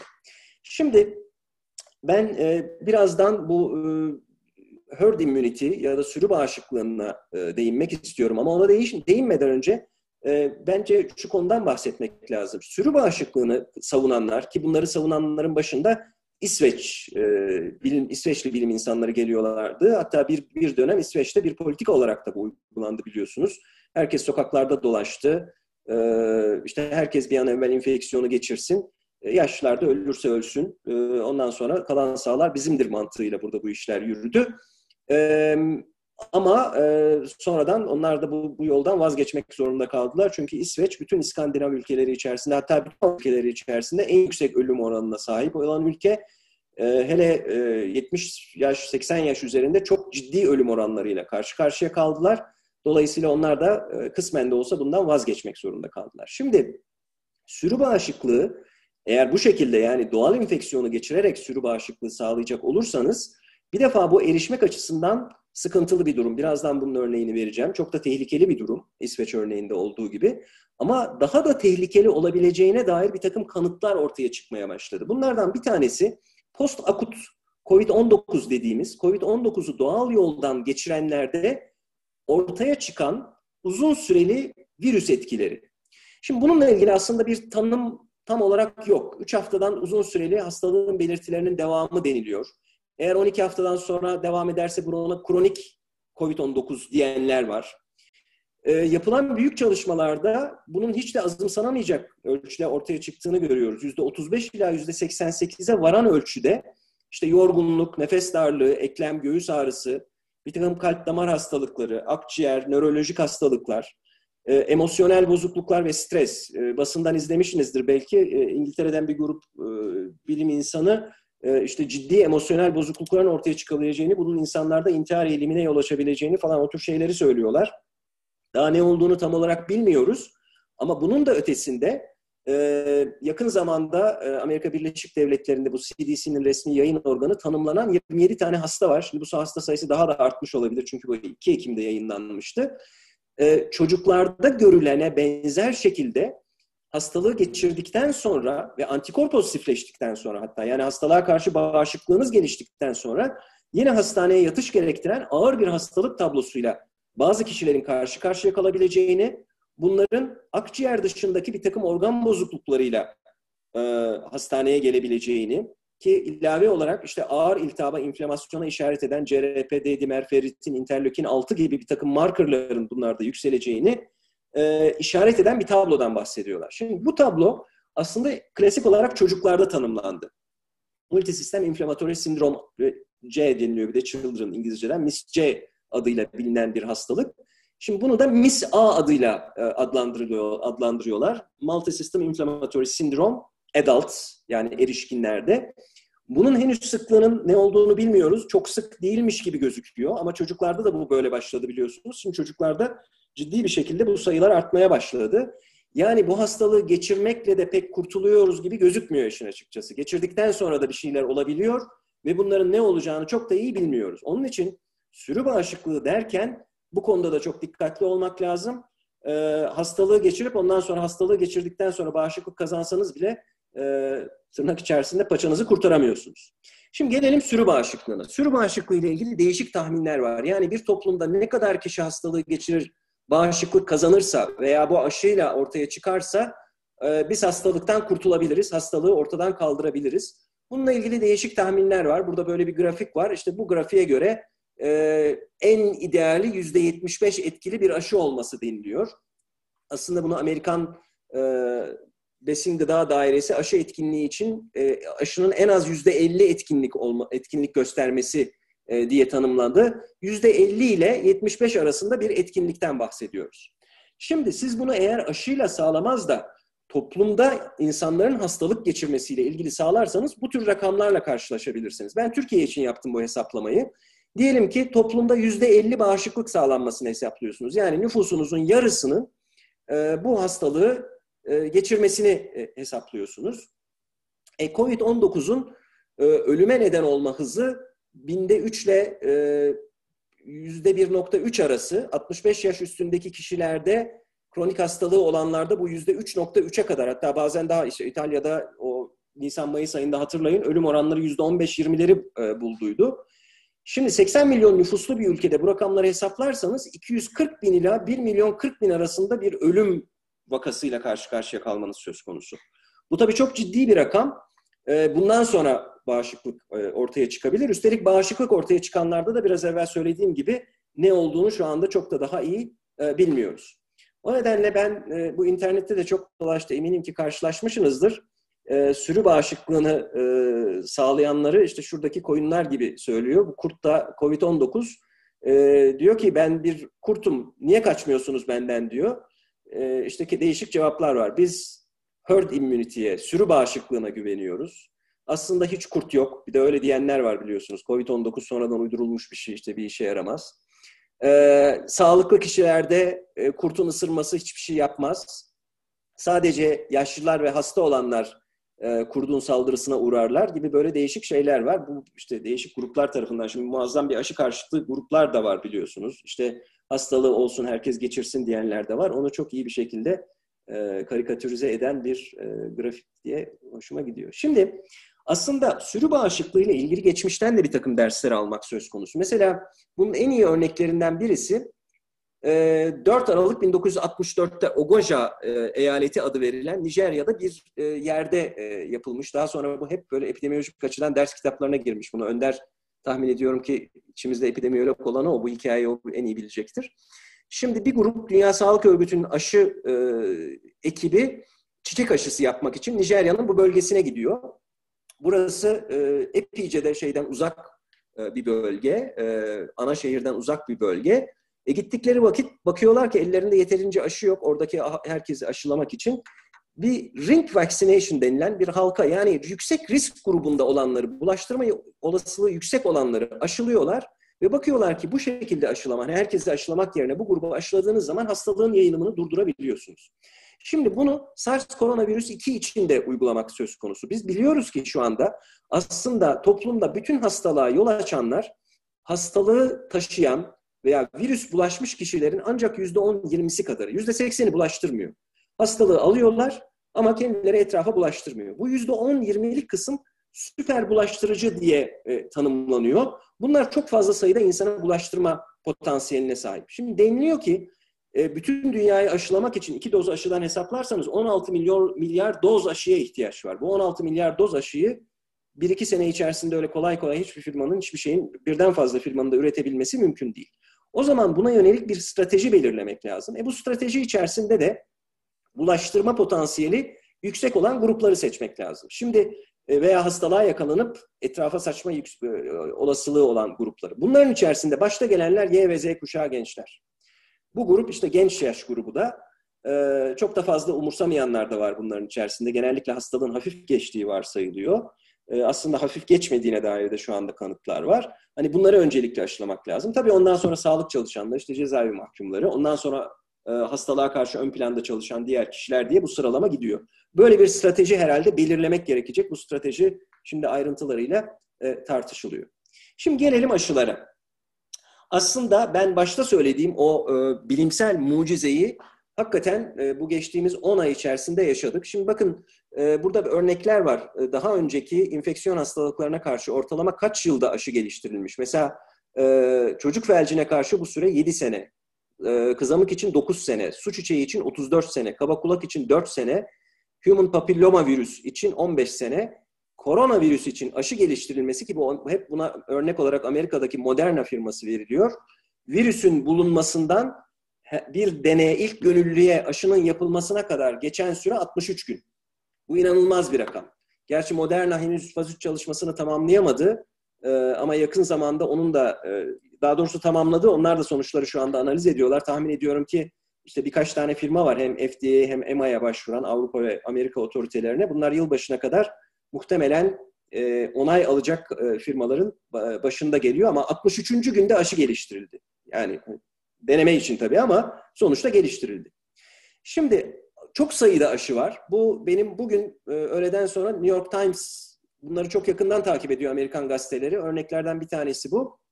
Faz 1, faz 2, faz 3 kısmi onaylanmış ve onaylanmış grubu. Tamamıyla onaylanmış hiç aşı yok. Kısmi onay verilmiş 6 tane aşı var. Bu aşılar Rusya'da ve Çin'de kullanılan aşılar. Faz 3 dediğimiz son aşamada olan e, yani artık onaylanma öncesinde geniş hasta topluluklarında denenen, birazdan söyleyeceğim, Türkiye'de de iki tane denenen var. Faz 1, faz 2 de faz 1 işte dozun ve yan etkinin belirlenmesi, faz 2'nin küçük gruplarda etkinlik belirlenmesi dediğimiz çalışmalar. Bakın bu kadar sayıda e, şey var. E, New York Times'ın hesabına göre 52 tane aşının klinik çalışmalarda olduğunu söylüyor. Aslında e, en iyi bu işi e, takip edenlerden bir tanesi Dünya Sağlık Örgütü'nün bir web sitesi var. Onların bir aşı listesi var. En son 3 Kasım'da yenilenmiş bu aşı listesi. E, şu anda Dünya Sağlık Örgütü'ne kadar 47 tane aşı klinik değerlendirme aşamasında. E, 155 tane aşı preklinik değerlendirmede. Bu listede 12 aşının Türkiye'de preklinik değerlendirmede olduğunu söylüyor ama bu 12 aşıdan bir tanesi biliyorsunuz klinik değerlendirmeye faz 1'e artık geçti Kayseri'de. E, dolayısıyla 11 tane aşı kaldı şu anda Türkiye'de ama Türkiye'deki aşı listesi eksik. E, her yerden olan bir şekilde belki bilmiyorum bildirilmedi Dünya Sağlık Örgütü'ne. Oradan haberleri yok. Ama listeyi şimdi şu sayfada gördüğünüz liste faz 3'te olan aşılar. 10 tane aşı var burada faz 3'te olan. Bunlardan 3 tanesi inaktive dediğimiz ölü virüs aşısı. E, üçü de Çin'den olan aşı. Sonra Oxford Üniversitesi'nin AstraZeneca ile geliştirdiği bir e, aşı var. E, bu bir viral vektör dediğimiz bir virüs taşıyıcısı. Kendisi çoğalmayan, non-replicating viral vektör dediğimiz kendisi çoğalmayan bir adenovirüsle taşıyıcı olarak kullanılan bir şey var. E, bir Çin aşısı var. Gene aynı tipte. Gamaleya Enstitüsü dediğimiz Rusların bir aşısı var. Bir de Janssen firması tarafından yapılan aşı var. Hep dikkat ederseniz bu aşılar ikişer doz uygulanıyor. Bir tek AstraZeneca'nın e, bir tek tek dozla uygulanan aşısı var. Ondan sonra bir protein subunit dediğimiz virüsün küçük bir kısmıyla sadece kullanılan aşı var. Novavax firması yapıyor bunu. E, Moderna biraz evvel bahsettim Amerika Birleşik Devletleri'nde bir de iki Türk araştırmacının kurduğu bir şirket e, ve Pfizer firmasıyla ortak olarak üretilen BioNTech Pfizer aşısı. Bunların her ikisi de RNA aşıları, virüs RNA'sının bir lipidle kaplanıp insanlara verilmesi sonucu ortaya çıkan aşı. Şu anda faz 3'te olan yani ruhsat öncesi aşamada olan son deneme aşamasında olan aşılar bunlar. Bunlar da e, Dünya Sağlık Örgütü listesindeki Türkiye'de e, kullanılan, klinik öncesi kullanılan bir tek şurada Erciyes Üniversitesi klinik denemeleri başladı. İki kişiyi bildiğim kadarıyla şimdiye kadar aşıladılar. Aşılar var. İnaktive aşılar var, DNA aşıları var, zayıflatılmış virüs aşısı var, adenovirüs vektörü kullanılarak yapılanlar var, protein subunit var, messenger RNA aşısı var ve virüs benzeri partiküllerle yapılan e, aşılar var. E, ama bunların hepsi dediğim gibi eksik de olabilir başka şeyler de. Mesela bizim Hacettepe'de de aşı enstitüsünde şu anda e, henüz preklinik aşamalarda başlanan bir aşı var. Bu listede o yok. E, ama sonuçta Türkiye'de de epeyce sayıda aşı var görüyorsunuz ki.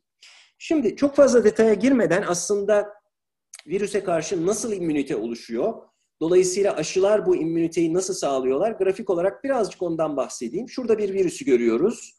Ee, içinde RNA adı ve adını verdiğimiz genetik şifresi virüsün. Ee, üzerinde şunlar işte o demin gösterdiğim spike diken proteinleri. Ee, virüs bu diken proteiniyle hücreye bağlanıyor acı reseptörü aracılığıyla giriyor. Sonra hücre içerisindeki bir vezikülde içindeki RNA'sı çıkıyor. Bu RNA protein sentezini sağlıyor. Sonra tekrardan hücre içerisinde virüs oluşuyor. Virüs çoğalmış bir şekilde hücreden dışarıya atılıyor. Sonra bu virüs antijen sunan hücre denilen veya antijen presenting cell denilen bir grup hücre tarafından insan vücudunda alınıyor. Bu hücreler T-helper hücre grubu dediğimiz bir gruba hücreyi e, virüsün antijenini aktarıyor. Ondan sonra bu T-helper hücrelerde bir yandan B hücresi dediğimiz e, immün sistem hücreleri aracılığıyla antikor yapımını sağlıyor.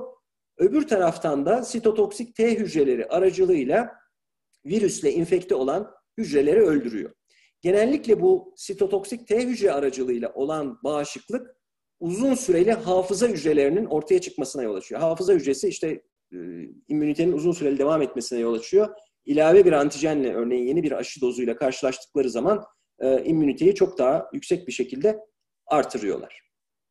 Şimdi ben kısa kısa biraz evvel sözüne ettiğim aşıların bir takım avantajları ve dezavantajları, kısıtları var. Onlardan e, size bahsetmek istiyorum. Önce inaktive aşıyla başlayalım. İnaktive aşıyı birazdan sözünü edeceğim. Türkiye'de biz de kullanıyoruz bir Çin aşısı. Verocell, Sinovac firması tarafından. Bu e, virüsün öldürülüp, inaktive hale getirilip insana verilmesi e, temel olarak basit bir ifadeyle. E, bu, bu tabii turda denenmiş, daha önceden yapılmış çok da aşı var ve hepsi güvenli olduğu gösterilmiş. Bu durumdaki bir aşı e, rapel gerektiriyor. Yani ikinci bir doz aşıyı genellikle gerektiriyor ve tabii virüsü öldürüp de hazırlandığı için hazırlanması zor, zahmetli bir iş. Bu kadar bu aşıyı hazırlamak oldukça zor. İkinci grup aşı viral vektör aşıları. Biraz evvel söylediğim. Bir başka virüsün içerisine siz virüsün genetik materyalini yerleştiriyorsunuz. Onunla e, insanları aşılıyorsunuz. E, bu sayede özgün bir gen transferi sağlıyorsunuz. Ve üst tarafta olduğu gibi infekte bir virüsle çalışmadığınız için hani tehlikeli bir durum söz konusu değil. Ama bunun takım sakıncaları var. Bu kullandığınız vektöre karşı önceden insanlarda gelişmiş bir immün yanıt olabilir. Her ne kadar istenmese de konak genomu yani insan genomu içerisinde virüsün integrasyonu e, söz konusu olabilir. Böyle potansiyel tehlikelerden bahsediliyor. Subunit aşılar dediğimiz virüsün bir bölümü, bir protein bölümüyle ilgili.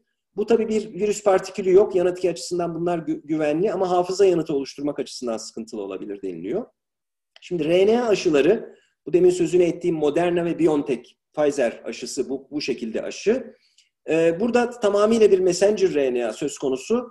İnsan genomuna bir integrasyon yok. Yalnız burada da aşının e, instabilitesi söz konusu. Şimdi bir önceki durumda mesela inaktive aşıyı artı 4 derecede buzdolabında uzunca bir süre muhafaza edebiliyorsunuz. Halbuki birazdan konuşacağız. Bu aşıları çok derin e, yani çok e, şey e, soğuk ortamlarda muhafaza etmek lazım. Moderna aşısı eksi 4 derecede, Pfizer'in aşısı ise eksi 80 derecede saklanmak ve transfer edilmek zorunda. Bu tabii bir takım lojistik sıkıntılara yol açıyor.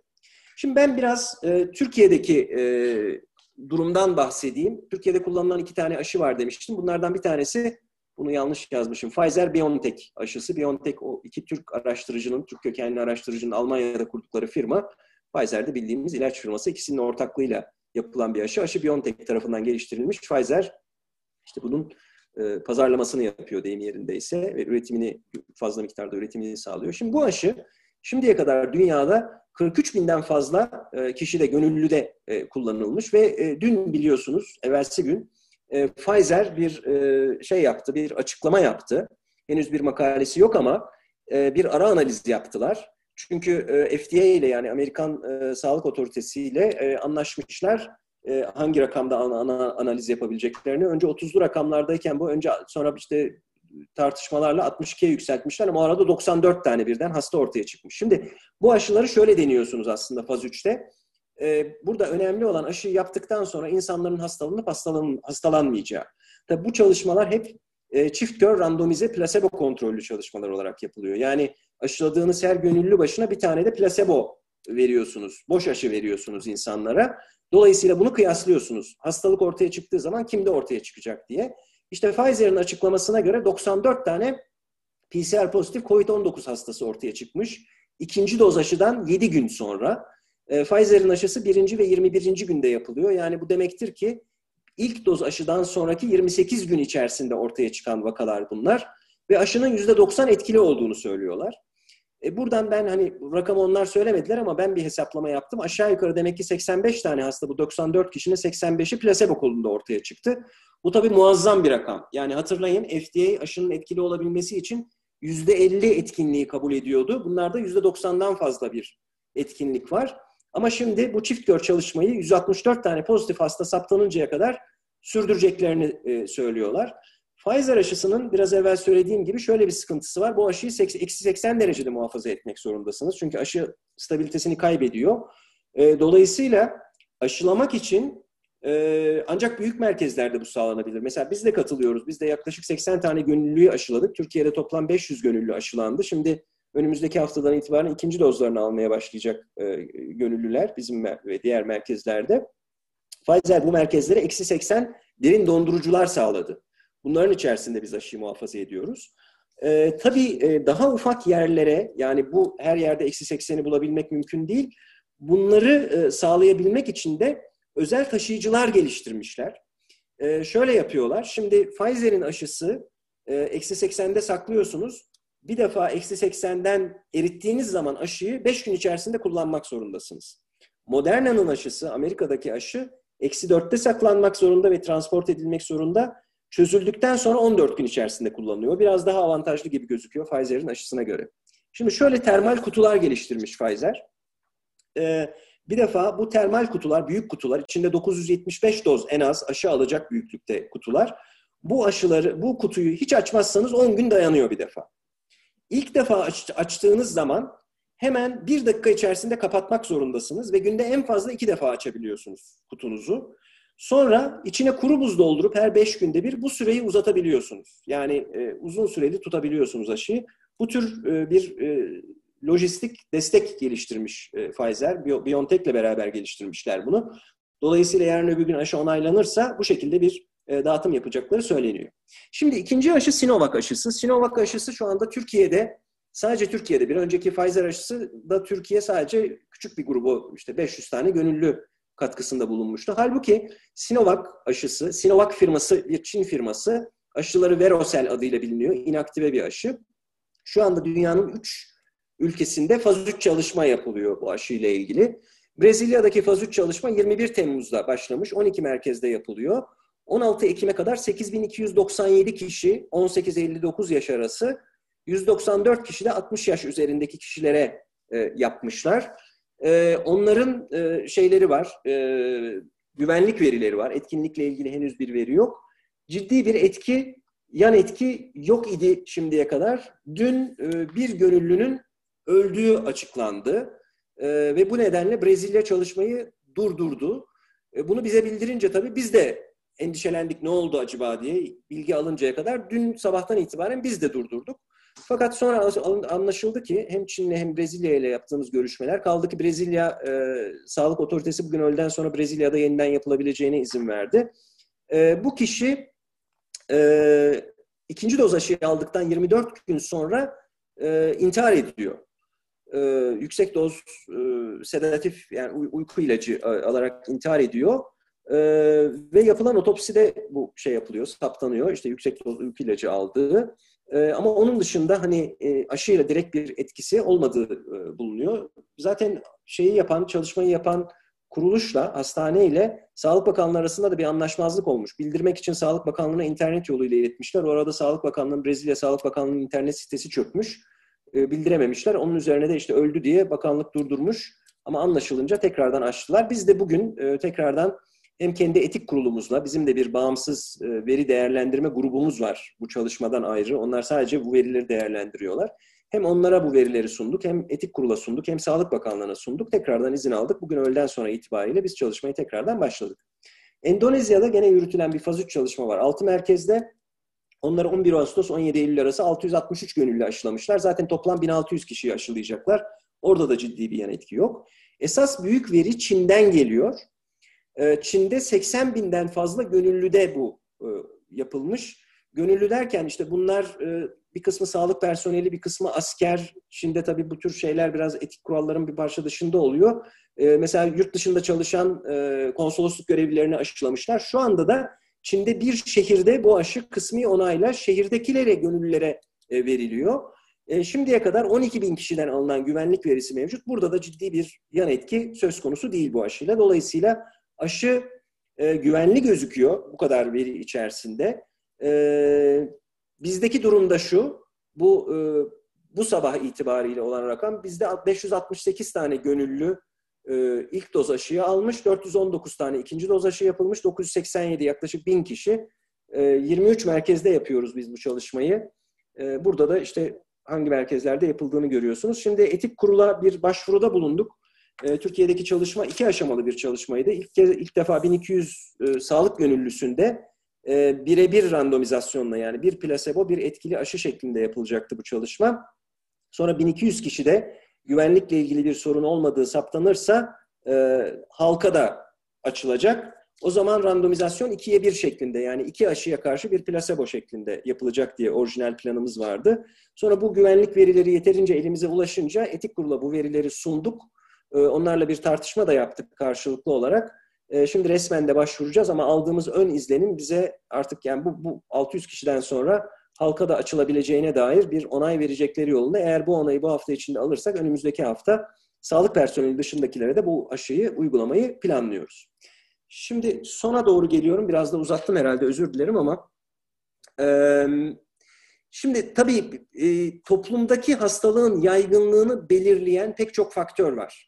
Bunlardan bir tanesi işte demin konuştuğumuz hastalığa karşı gelişen bağışıklık. Eğer bu bağışıklık kısa süreli olursa hastalığın sık sık her sene tekrarlaması söz konusu. Eğer uzun süreli bir bağışıklık olursa belki birkaç sene e, içerisinde hastalığın tamamıyla ortadan kalkması söz konusu. Bu arada bir takım girişimler olacak. İşte aşı olacak.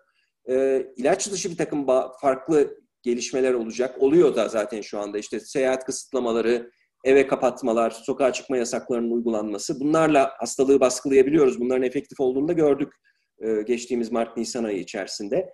Mevsimsel özellik gene de var. Her ne kadar yok denilse de örneğin yaz aylarında işte gerek ultraviyolenin artması, gerek dış ortamlarda insanların e, dış ortamlarda bulunmaları, mevsimsel değişiklikler işi etkileyebiliyor belki. E, bir de virüs mutasyonları belki bunu etkileyecek. Dolayısıyla bu tür faktörlerin her biri virüsün toplumda ne şekilde bulunacağının e, bir yerde e, belirleyicisi olacak. Şimdi bunlardan bir tanesi, e, sorulardan bir tanesi antikor oluştuktan sonra ne kadar devam ediyor acaba? Bununla ilgili değişik çalışmalar vardı. En son bu Ekim ayının 5'inde yayınlanan bir makale. Bu antikorların, affedersiniz, e, nötralizen antikorların yaklaşık 5 ila 7 ay kadar sürebileceğini gösterdi. Bu çok güzel bir şey tabii. Yani bu nötralizen, doğal yolla kazanılan nötralizen antikorlar bunlar. Eğer aşı yoluyla da 5-7 aylık bir sürede bağışıklık sağlanıyor ki bu 5-7 ay tabii daha da takip ediliyor bu hastalar ama e, hani hastalık başlangıcından bu yana zaten geçen süre belli. Maksimum 10 ay. Dolayısıyla 7. ayda hala antikor var. Bu daha da uzayabilir. Bir sene de olabilir belki. Onu bilemiyoruz. Ee, eğer bu böyle olursa bu aşı açısından çok umut vaat edici bir şey. Ee, dolayısıyla hastalığın eradike edilmesi açısından önemli. İki önemli nokta daha var. Bunlardan bir tanesi e, henüz klinik olarak tam ne anlama geldiğini bilemediğimiz ama şüphe edilen e, daha öncesinde geçirilmiş infeksiyonlarla COVID-19'la karşılaşmamış kişilerde T hücre e, bağışıklığı olabileceği, çapraz reaksiyon gösteren yani farklı virüslere karşı, diğer koronavirüslere karşı gelişmiş hücresel bağışıklığın olabileceği ile ilişkili bununla ilgili e, çalışmalar var. E, bu çalışma 5 e, gün önce e, yayınlandı yine Science dergisinde. Bu çok daha ilginç bir çalışma bence. Hiç SARS koronavirüsle karşılaşmamış kişilerde bakıldığı zaman 6-16 yaş çocuklarda %60'tan fazla, erişkinlerde %5 oranında e, SARS koronavirüse karşı etkili antikor var. Bu antikorlar o SARS koronavirüsün demin size en başta gösterdiğim lalenin kendisine değil lalenin sapına karşı gelişen yani immünite etkisi belki daha düşük düzeyde olabilecek olan antikorlar ama antikor sonuçta. Ee, ve çocuklarda çok fazla bunun gerekçesi olarak da çocuklar bu SARS dışında, SARS koronavirüs dışındaki koronavirüslerle çok fazla enfekte oluyorlar. Muhtemelen bu infeksiyon nedeniyle çapraz reaksiyon veren antikorlar ortaya çıkıyor. O yüzden de çocukların büyük çoğunluğu asemptomatik veya hafif geçiriyor diye söylüyorlar. Erişkinlerin bir kısmında da bu antikorların olması belki hastalık seyrini etkiliyor diye söyleniyor. Ama bunlar tabii henüz öncül veriler. Bunların gerçek anlamda ne kadar kliniğe yansıması olduğu, klinikte bir su damlasından öteye acaba etkinlik gösterecek mi henüz tam olarak bilmiyoruz işin açıkçası. Sonuç olarak en başta da söylediğim gibi öğrendiğimiz çok şey oldu ama bilmediğimiz daha kat be kat fazla şey var ve yanıt bekleyen de çok da fazla e, soru var.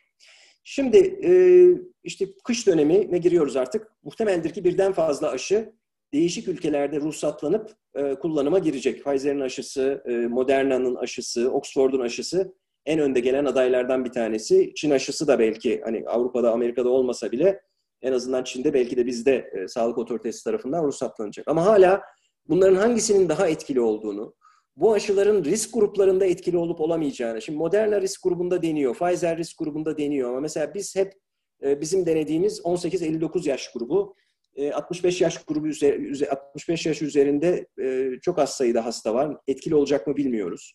Tabii ne kadar süreyle etkili olacak? Bu iki dozdan farklı fazla doz gerekecek mi? Bulaşmayı mı ciddi hastalığı mı önleyecek? Çünkü şimdiye kadar mesela Oxford aşısında bu gösterildi. E, has, ciddi hastalığı koruyor Ama bulaşmayı engellemiyor. Hasta hala virüs saçmaya devam ediyor. Bu tabii aşı açısından olumsuz bir etki. Bunu da henüz tam olarak bilmiyoruz. Ve ondan sonra kime yapılacak bu aşılar? Ee, ve tabii kimler aşıyı reddedecek? Bunlar henüz üzerinde tartışılan ve bu bir aslında Nature'da 12-22 Ekim'de yayınlanmış olan bir editorial'ın özetlemesi benim sonuç slaydım. Ee, bütün bunları herhalde önümüzdeki günlerde göreceğiz. Ben çok teşekkür ederim. Vaktimi geçirdiğim için de özür dilerim. Sağ olun. Çok teşekkürler Murat Hocam. Ee, ben hemen hızlıca sorulara geçmek istiyorum. Meral Beksaç hocamızın bir sorusu var. Toplumda asemptomatikler arttıkça aşı sonrası otoimmünite ve beklenmeyen yan etki olasılığı artmaz mı? Bir diğer sorusu aşı çalışmalarında enfeksiyon gelişenlerdeki virüs e, strain incelenmiştir diyor. Yani acaba e, virüs mutasyonu incelenmiş mi olacak herhalde? Yani onlarda farklı bir şey mi var acaba diye. Onunla ilgili bir bilgi yok işin açıkçası bilmiyorum. E, bir önceki sorunun da cevabını bilmiyorum. Hani böyle bir şey olacak mı? Otoimmünite gelişecek mi? Böyle bir şey var mı? Tabii bunlar potansiyel sorular. Belki o benim listenin altına eklenecek olan sorular. Ama ben yanıtını bilmiyorum. Bir şey okumadım. Bilmiyorum Önder ya da sizin bilginiz var mı bu konuda ama. Henüz henüz e, bir bilgi yok. Bende de bilgi yok. Aslında bir yandan da lafı almışken e, Reyhan Hocam'a da hatırlıyorum oturum başkanı olarak e, İhsan Gürsel e, arkadaşımız da dinleyiciler arasında evet. e, bir aşı çalışmaları yürütüyorlar. Belki İhsan da birkaç yorum yapmak isteyebilir bilmiyorum. Evet mesela Dünya Sağlık Örgütü'nün listesinde Bilkent aşısı diye geçmiyor ama ODTÜ aşısı geçiyor. Acaba o, o aşı mı? Aynı ben şey. de İhsan Hoca'ya muhtemelen, onu, tabii. muhtemelen o aşı herhalde değil mi? Evet. evet. İhsan Hoca'nın bir sorusu var. Murat Hocam Sinovac aşısındaki alum adjuvantı tehlikeli değil mi? TH2 yanıtını destekleyeceğinden dolayı bu endişemi paylaşıyorum demiş. Ee, Valla doğrusunu isterseniz bunun da cevabını bilmiyorum işin açıkçası. Ee, yani şu ana kadar bu aşıyla ilgili e, kullanılan e, şimdi o, adjuvan pek fazla bir sürü başka aşıda da kullanılıyor e, tabii. E, yani bununla ilgili şimdiye kadar bildirilmiş bir şey yok ama tabii bu tür adjuvanların uzun süreli etkileri de olabiliyor. E, dolayısıyla bunu herhalde göreceğiz. Bu nispeten e, hani daha öncesinde deneyimin yüksek olduğu bir aşı grubu, inaktive aşı grubu. Bu adjuvanla birlikte de e, kullanılan pek çok aşı var e, daha öncesinde. Herhalde o deneyimin yansıması ama e, şu anda bu sorunun cevabını ben de bilmiyorum. Yani. Bülent Tandoğan. Şey bilmiyorum gördüğünüz gibi. Yani hiçbir soruya biliyorum diye cevap veremedim şimdiye kadar. Peki. Bülent Tandoğan'ın soru, sorusu Ankara Tıp ve Hacettepe'de çok sayıda misçe vakası oldu. Doğru mu? Multisistemik inflamatuar sendrom. Ee, Ankara tıpı bilmiyorum ee, ama bizim Hacettepe'de epeyce bir vaka var. Ee, bir hayli vardı. Yani baştan yaz aylarında mesela çok az görülüyordu. Şimdi kesin rakamı tam olarak bilmiyorum. Belki aramızda pediatristik arkadaşlar varsa Hacettepe'den kimse var mı bilmiyorum ama onlar söyleyebilirler. Ama e, bu vakalarda son zamanlarda epeyce bir artış var öyle gözüküyor. Evet, ben e, dün Hacettepe Üniversitesi'nden e, pediatrik hematolojide bir arkadaşla görüşmüştüm bu konuyla ilgili.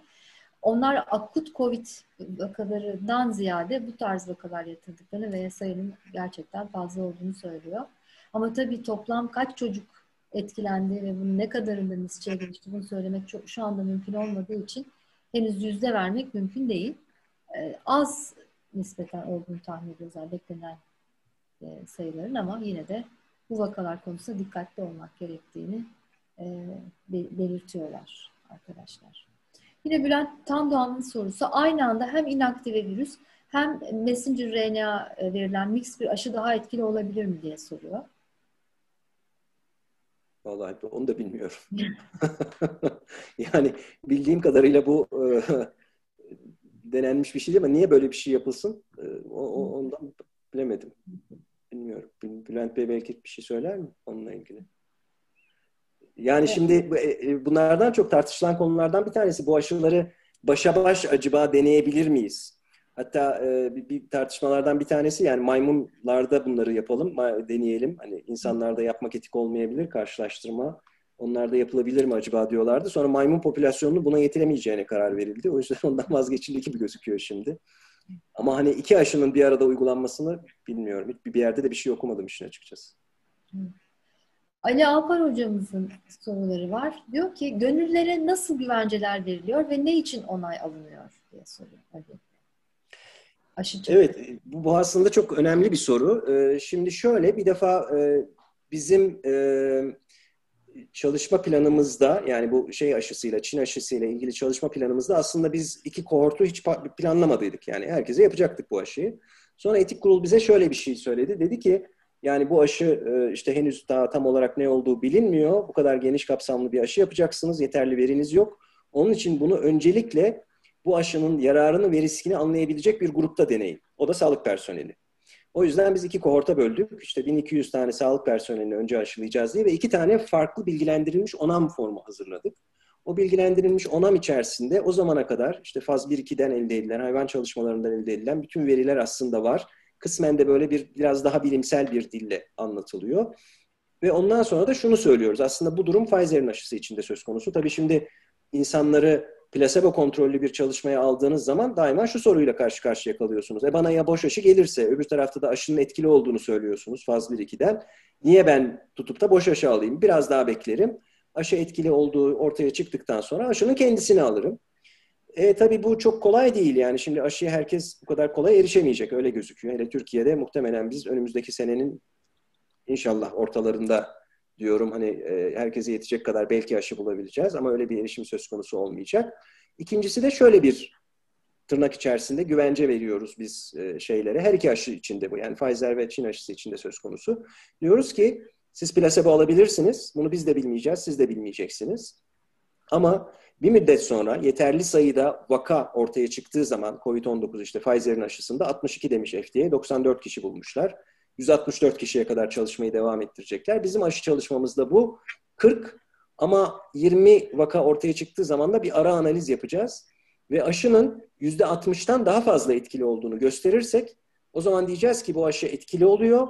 O zaman geri döneceğiz. Plasebo almış olanlara bakacağız. Plasebo almış olanlara da aşı önereceğiz. Eğer istiyorsanız buyurun aşının etkili olduğunu bulduk. Bunu yapacağız diyeceğiz. Yani şu anda önerdiğimiz tek şey bu. Ee, bir de tabii bu gönüllüleri biz e, Çin aşısında bir yıl süreyle, Pfizer aşısında e, iki yıl süreyle e, bunlar şey yapılıyorlar, takip edilecekler. Telefonla görüşülüyor. Bir şikayetleri olduğu zaman hastaneye geliyorlar, inceleniyor. Çünkü bunların içerisinde bir kısmı COVID olacak. Yani oldukları vakit zaten hani hemen hastaneye başvurmak zorundalar. Bu şekilde uzun süreli bir izlem yapılacak. Ee, bir kısmında da e, antikor oluşup olmadığını, bütün hastalarda değil, nötralizan antikor ve antikor olup olmadığına bakılacak. Ama bu Türkiye'de biraz böyle yanlış anlaşıldı. Hele hekim camiasında da yanlış anlaşıldı. Aşı olduktan sonra hani bizim antikor sonuçlarımız demeye başladılar. Halbuki bu çift kör bir çalışma. Antikoru biz onlara söylersek o zaman aşı aldığı ortaya çıkacak. Onun için öyle bir şey yapmıyoruz. Yine Ali Hoca'nın bir diğer sorusu, Türkiye'de Sinovac aşısının hangi merkezlerde denendiğini söylediniz. BioNTech, Pfizer'da aynı merkezlerde mi deneniyor? Kaç merkezde? Bir de 80 derecede gelen, eksi 80 derecede gelen aşının yakın merkezlere dağılımı, yerel lojistik için Türkiye'de bu konuda hazırlık olup olmadığını ve bunun mümkün olup olmadığını soruyor Ali Hocam. Şimdi e, merkezlere şu anda dağıtımını Pfizer sağladığı için ve eksi 80 her merkezde de olduğu için aşı çalışması yapan merkezlerde bu durum söz konusu değil. E, şey aşısı, Pfizer aşısı e, daha az sayıda merkezde deneniyor. 12 merkez şu anda yanlış hatırlamıyor isem. E, diğer aşı 25 diye başladık ama şu anda 23 tane aktif merkezimiz var. Bir merkezde henüz hasta almaya, e, gönüllü almaya başlamadı. 22 merkezde gönüllü kabul ediliyor. Ama kağıt üzerinde 23 merkezimiz var. Lojistik açıdan yani o biraz evvel sözüne ettiğim taşıyıcılarla muhtemelen derin donduruculu taşıyıcılarla yapacaklar. Ama onunla ilgili henüz ben bir bilgiye sahip değilim. Şu anda biz klinik çalışmayı yürütüyoruz işin açıkçası. Hani klinik çalışma sonrasında Pfizer ne tür bir lojistik destek uygulayacak onu bilmiyorum. Ama e, benim takip ettiğim kadarıyla bu taşıyıcıları geliştirmişler. Muhtemelen bu taşıyıcılarla gene ana merkezlere yani bu aşıyı e, bir e, sağlık ocağında uygulayamayacaksınız muhtemelen. Gene bir merkezde, bir hastanede e, uygulanacak ve önden insanlar herhalde randevu alıp o randevuyla gelip çok sayıda insanın bir anda aşılanması söz konusu olacak. E, onunla ilgili bir planlama yapılacaktı ama ben detaylarını bilmiyorum şu aşamada. Ankara Üniversitesi'nden Doktor Ramazan İdilman soruyor. Uzun zamandan beri kullanılan hepatit B aşısının başarı şansı %95-96 iken yeni olan bu aşılarla hemen %95 üzeri başarı vermek sizce yani nasıl açıklanabilir? RNA virüs aşısı olmasından mı? RNA virüs olmasından mı kaynaklı? Doğru tabii. Yani bu bu aşı ilk defa deneniyor. İlk defa daha önceden insanda yapılmış, e, uygulamaya girmiş bir RNA aşısı yok. Şimdi bu yüzde doksandan fazla rakamını zaten daima ihtiyatla karşılamak lazım. Hani ben nasıl bu rakama ulaştıklarını söyledim. Bu henüz bir bilimsel makale haline bir hakemli eleştiriden geçip de bir dergide yayınlanmış da değil. Bu sadece bir ara analizin ön sonuçları. Onu da bir kere daha söyleyeyim isterseniz. Bu aşı 21 gün arayla iki doz aşı olarak yapılıyor. Bu %90'lık kısım e, ikinci doz aşıdan 7 gün sonra yani birinci dozdan 28 gün sonra 4 hafta sonra e, ortaya çıkan COVID vakalarının analiziyle saptanmış. 94 tane COVID'li hasta saptanmış. Bu hastalarda %90'ından fazlası, o rakam da yok ortada. Ben onu 85 diye kendim hesapladım ortalama. Belki daha fazla. Plasebo grubunda ortaya çıkmış. Yani buna dayanarak diyorlar ki o ilk 7 günde aşı belirgin derecede korumuş, antikor ortaya çıkartmış. Ama tabii daha bunun uzun süreli şeyine, deneyine e, ihtiyaç var. Yani şu anda Pfizer'in aşısı %90 koruyor gibi bir spekülasyonda bulunmak mümkün değil işin açıkçası. Ancak bu çerçevede söyleyebiliriz bunu. Gamze Tanrıöver'in sorusu da birçok merkezde devam eden aşılama için önerilen takip süresinde ortak bir zaman dilimi var mı diye soruyor. Ee, yani biz haftalık kontrollerle yapıyoruz. Haftalık telefon bağlantıları kuruyoruz e, bu kişilerle. Bunların içerisinden e, rastgele seçilecek kişileri davet edip antikor için kanlarını alacağız, e, bakacağız. Ama şu anda telefon kontrolü ve hastalarda hastaların günlükleri var ellerinde. O günlüklerini dolduruyorlar, şikayetlerini yazıyorlar ve onları bildiriyorlar herhangi bir yakınmalar ortaya çıktığı zaman. Yani şimdi bakarsanız ben o rakamları göstermedim. E, bizim hastalarımızın yüzde 50-60'ında öyle ya da böyle bir şekilde şikayet var. İşte başım ağrıdı diyor, dişim ağrıdı, kalçam ağrıdı, bileğim ağrıdı. Bu tür şikayetler var ama bunları birden dörde kadar derecelendiriyoruz. Dört yaşamı tehdit eden bir e, şeyin ortaya çıkması, yan etkinin, advers olayın ortaya çıkması öyle bir yan etki şimdiye kadar görmedik. Ama değişik şiddetlerde farklı yan etkiler gördük. İşte en çok rastladığımız aşı yapılan yerde ağrı olması mesela, o kolda ağrı olması, e, hareketinin kısıtlanması vesaire ama bunlar gelip geçici etkiler. Takip bu şekilde yapılıyor. Hasta tabii hastalık belirtisi gösterdiği zaman hemen hastaneye çağırıp e, gerekli tetkikleri yapıyoruz. E, bu arada izleyicilerimizden kronik hastalığı olanlar soruyor. Hani 12 yıldır romatoid artrit hastası olan Nebahat Hanım immünsüpresif ilaçlar kullandığını, metotrexat, leflunomid gibi ajanlar aldığını söylüyor. Aşı beni korur mu ya da tam tersi hastalık aktif hale mi gelir? Bu konuda bir yorumunuz var mı ama bununla ilgili Bu grup hastalar maalesef aşı çalışmalarında çok iyi temsil edilen hasta grupları değil. Dolayısıyla onlar çok yüksek riskli gruplar tabii haklı, haklı kendileri. Ee, ama o sorunun yanıtını şu anda kesin olarak verebilmek mümkün değil. Ee, aşı e, şey yapar mı? Hastalık aktivitesini artırır mı? İşte biraz evvel e, Sayın Beksaç da sordu aynı soruyu. Hani bir otoimmünite olayına yol açar mı? Öyle bir şey var mı? Şimdiye kadar tanımlanmış bir şey yok ama bu hasta gruplarında e, çok az belki de hiç denenmedi bu aşılar. E, o rakamları henüz bilmiyoruz. Dolayısıyla bu yanıtı kesin güvenli bir şekilde buna yanıt vermek mümkün değil maalesef. İhsan Gürsel hocamızın değerli katkıları oluyor sorulara e, platformda. Aynı zamanda kendisinin bir sorusu var. Hocam Hacettepe'de aşı çalışmasından bahsettiniz. Hangi platformu kullanıyorsunuz? Orada ajuvan belli mi diye soruyor. Ee, aşı ajuvanı. Onu ben bilmiyorum işin açıkçası. Onun ayrıntılarına şu anda hakim değilim. Ee, onu ayrıca öğrenip kendisine iletirim. Tamam. Bu arada konvalesan plazma ile ilgili sorular var. Konvalesan plazma deneyiminiz var mı hocam? Bunu Önder evet. herhalde yanıtlar. Bizim deneyimimiz var ama çok başarılı değil. Evet. Evet. Yani konvalesan bir... plazmada da işte yani erken dönemde verilmesi gerektiğini söyleniyor. Biliyorsunuz demin Önder bahsettim de hatırlayamadım şimdi birden ama NIH yani bunun deneysel olarak bunu önden bir şey yaptılar, onayladılar biraz da böyle bu şeyin baskısıyla. Trump'ın ondan sonra e, yani şu anda ancak deneysel aşamada ama yapılan çalışmalarda gerek meta analizlerde gerek diğer çalışmalarda çok başarılı değil. Belki erken dönemde verirseniz etkili olabilir diye bir şey var ama o an o mesela orada korkulan şeylerden bir tanesi e, o plazmaların içerisinde otoantikor da olabilir. Yani siz kaş yapayım derken göz çıkartabilirsiniz. Özellikle interleukin 1'e karşı otoantikorlar tanımlandı yakın zamanda. E, o antikorları verebilirsiniz.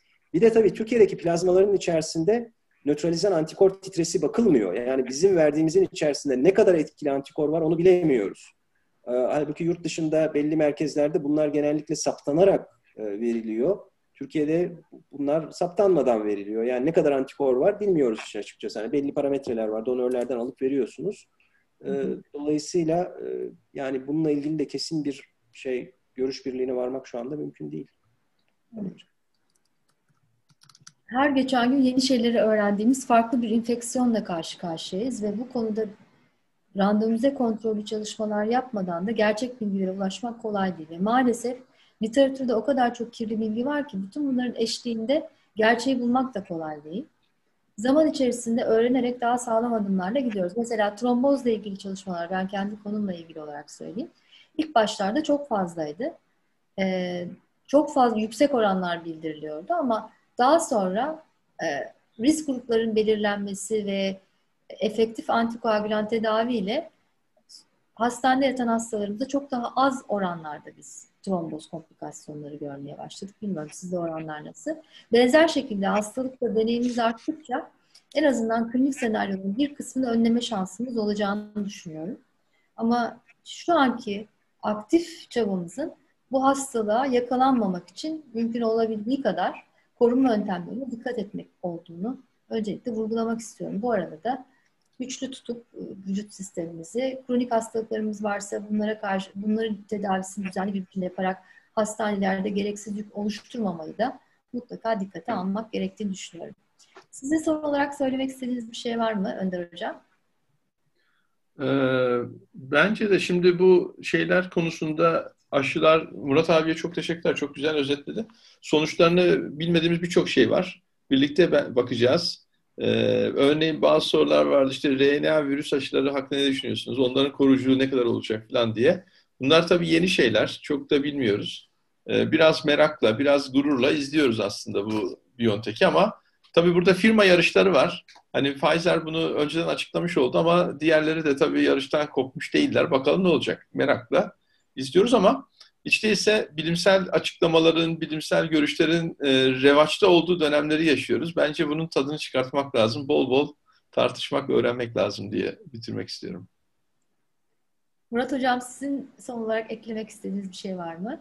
Valla ben zaten yeterince çok konuştum herhalde artık daha da yapmayayım ama sizin söylediğinize ben de bir e, destekleyerek e, şey vermek istiyorum. Bildiğimiz şeylerin çok daha fazlasını bilmiyoruz e, bu hastalarda. E, onun için korunma şu aşamada en güçlü silahmış gibi gözüküyor. E, yeterli ve etkili bir aşı ortaya çıkıncaya kadar hastalığa yakalanmamaya çalışmak herhalde e, şu anda e, en iyi yöntemmiş gibi gözüküyor işin açıkçası. İşte onun için de maske son derece önemli. Kal kalabalık yerlerden uzak durmak, o bilinen bulaşma önlemlerine karşı alınacak e, önlemlere uygulamak en etkili yöntemmiş gibi gözüküyor. Bu kışı geçirmemiz lazım. Zarar görmesin. Yazı Allah kerim. Evet. Ben çok değerli hocalarım Önder Ergünür ve Murat Akova'ya çok teşekkür ediyorum. Siz izleyicilerimize de katıldığınız için çok teşekkür ediyorum. Bir başka bilim akademisi panelinde buluşmak üzere. İyi akşamlar.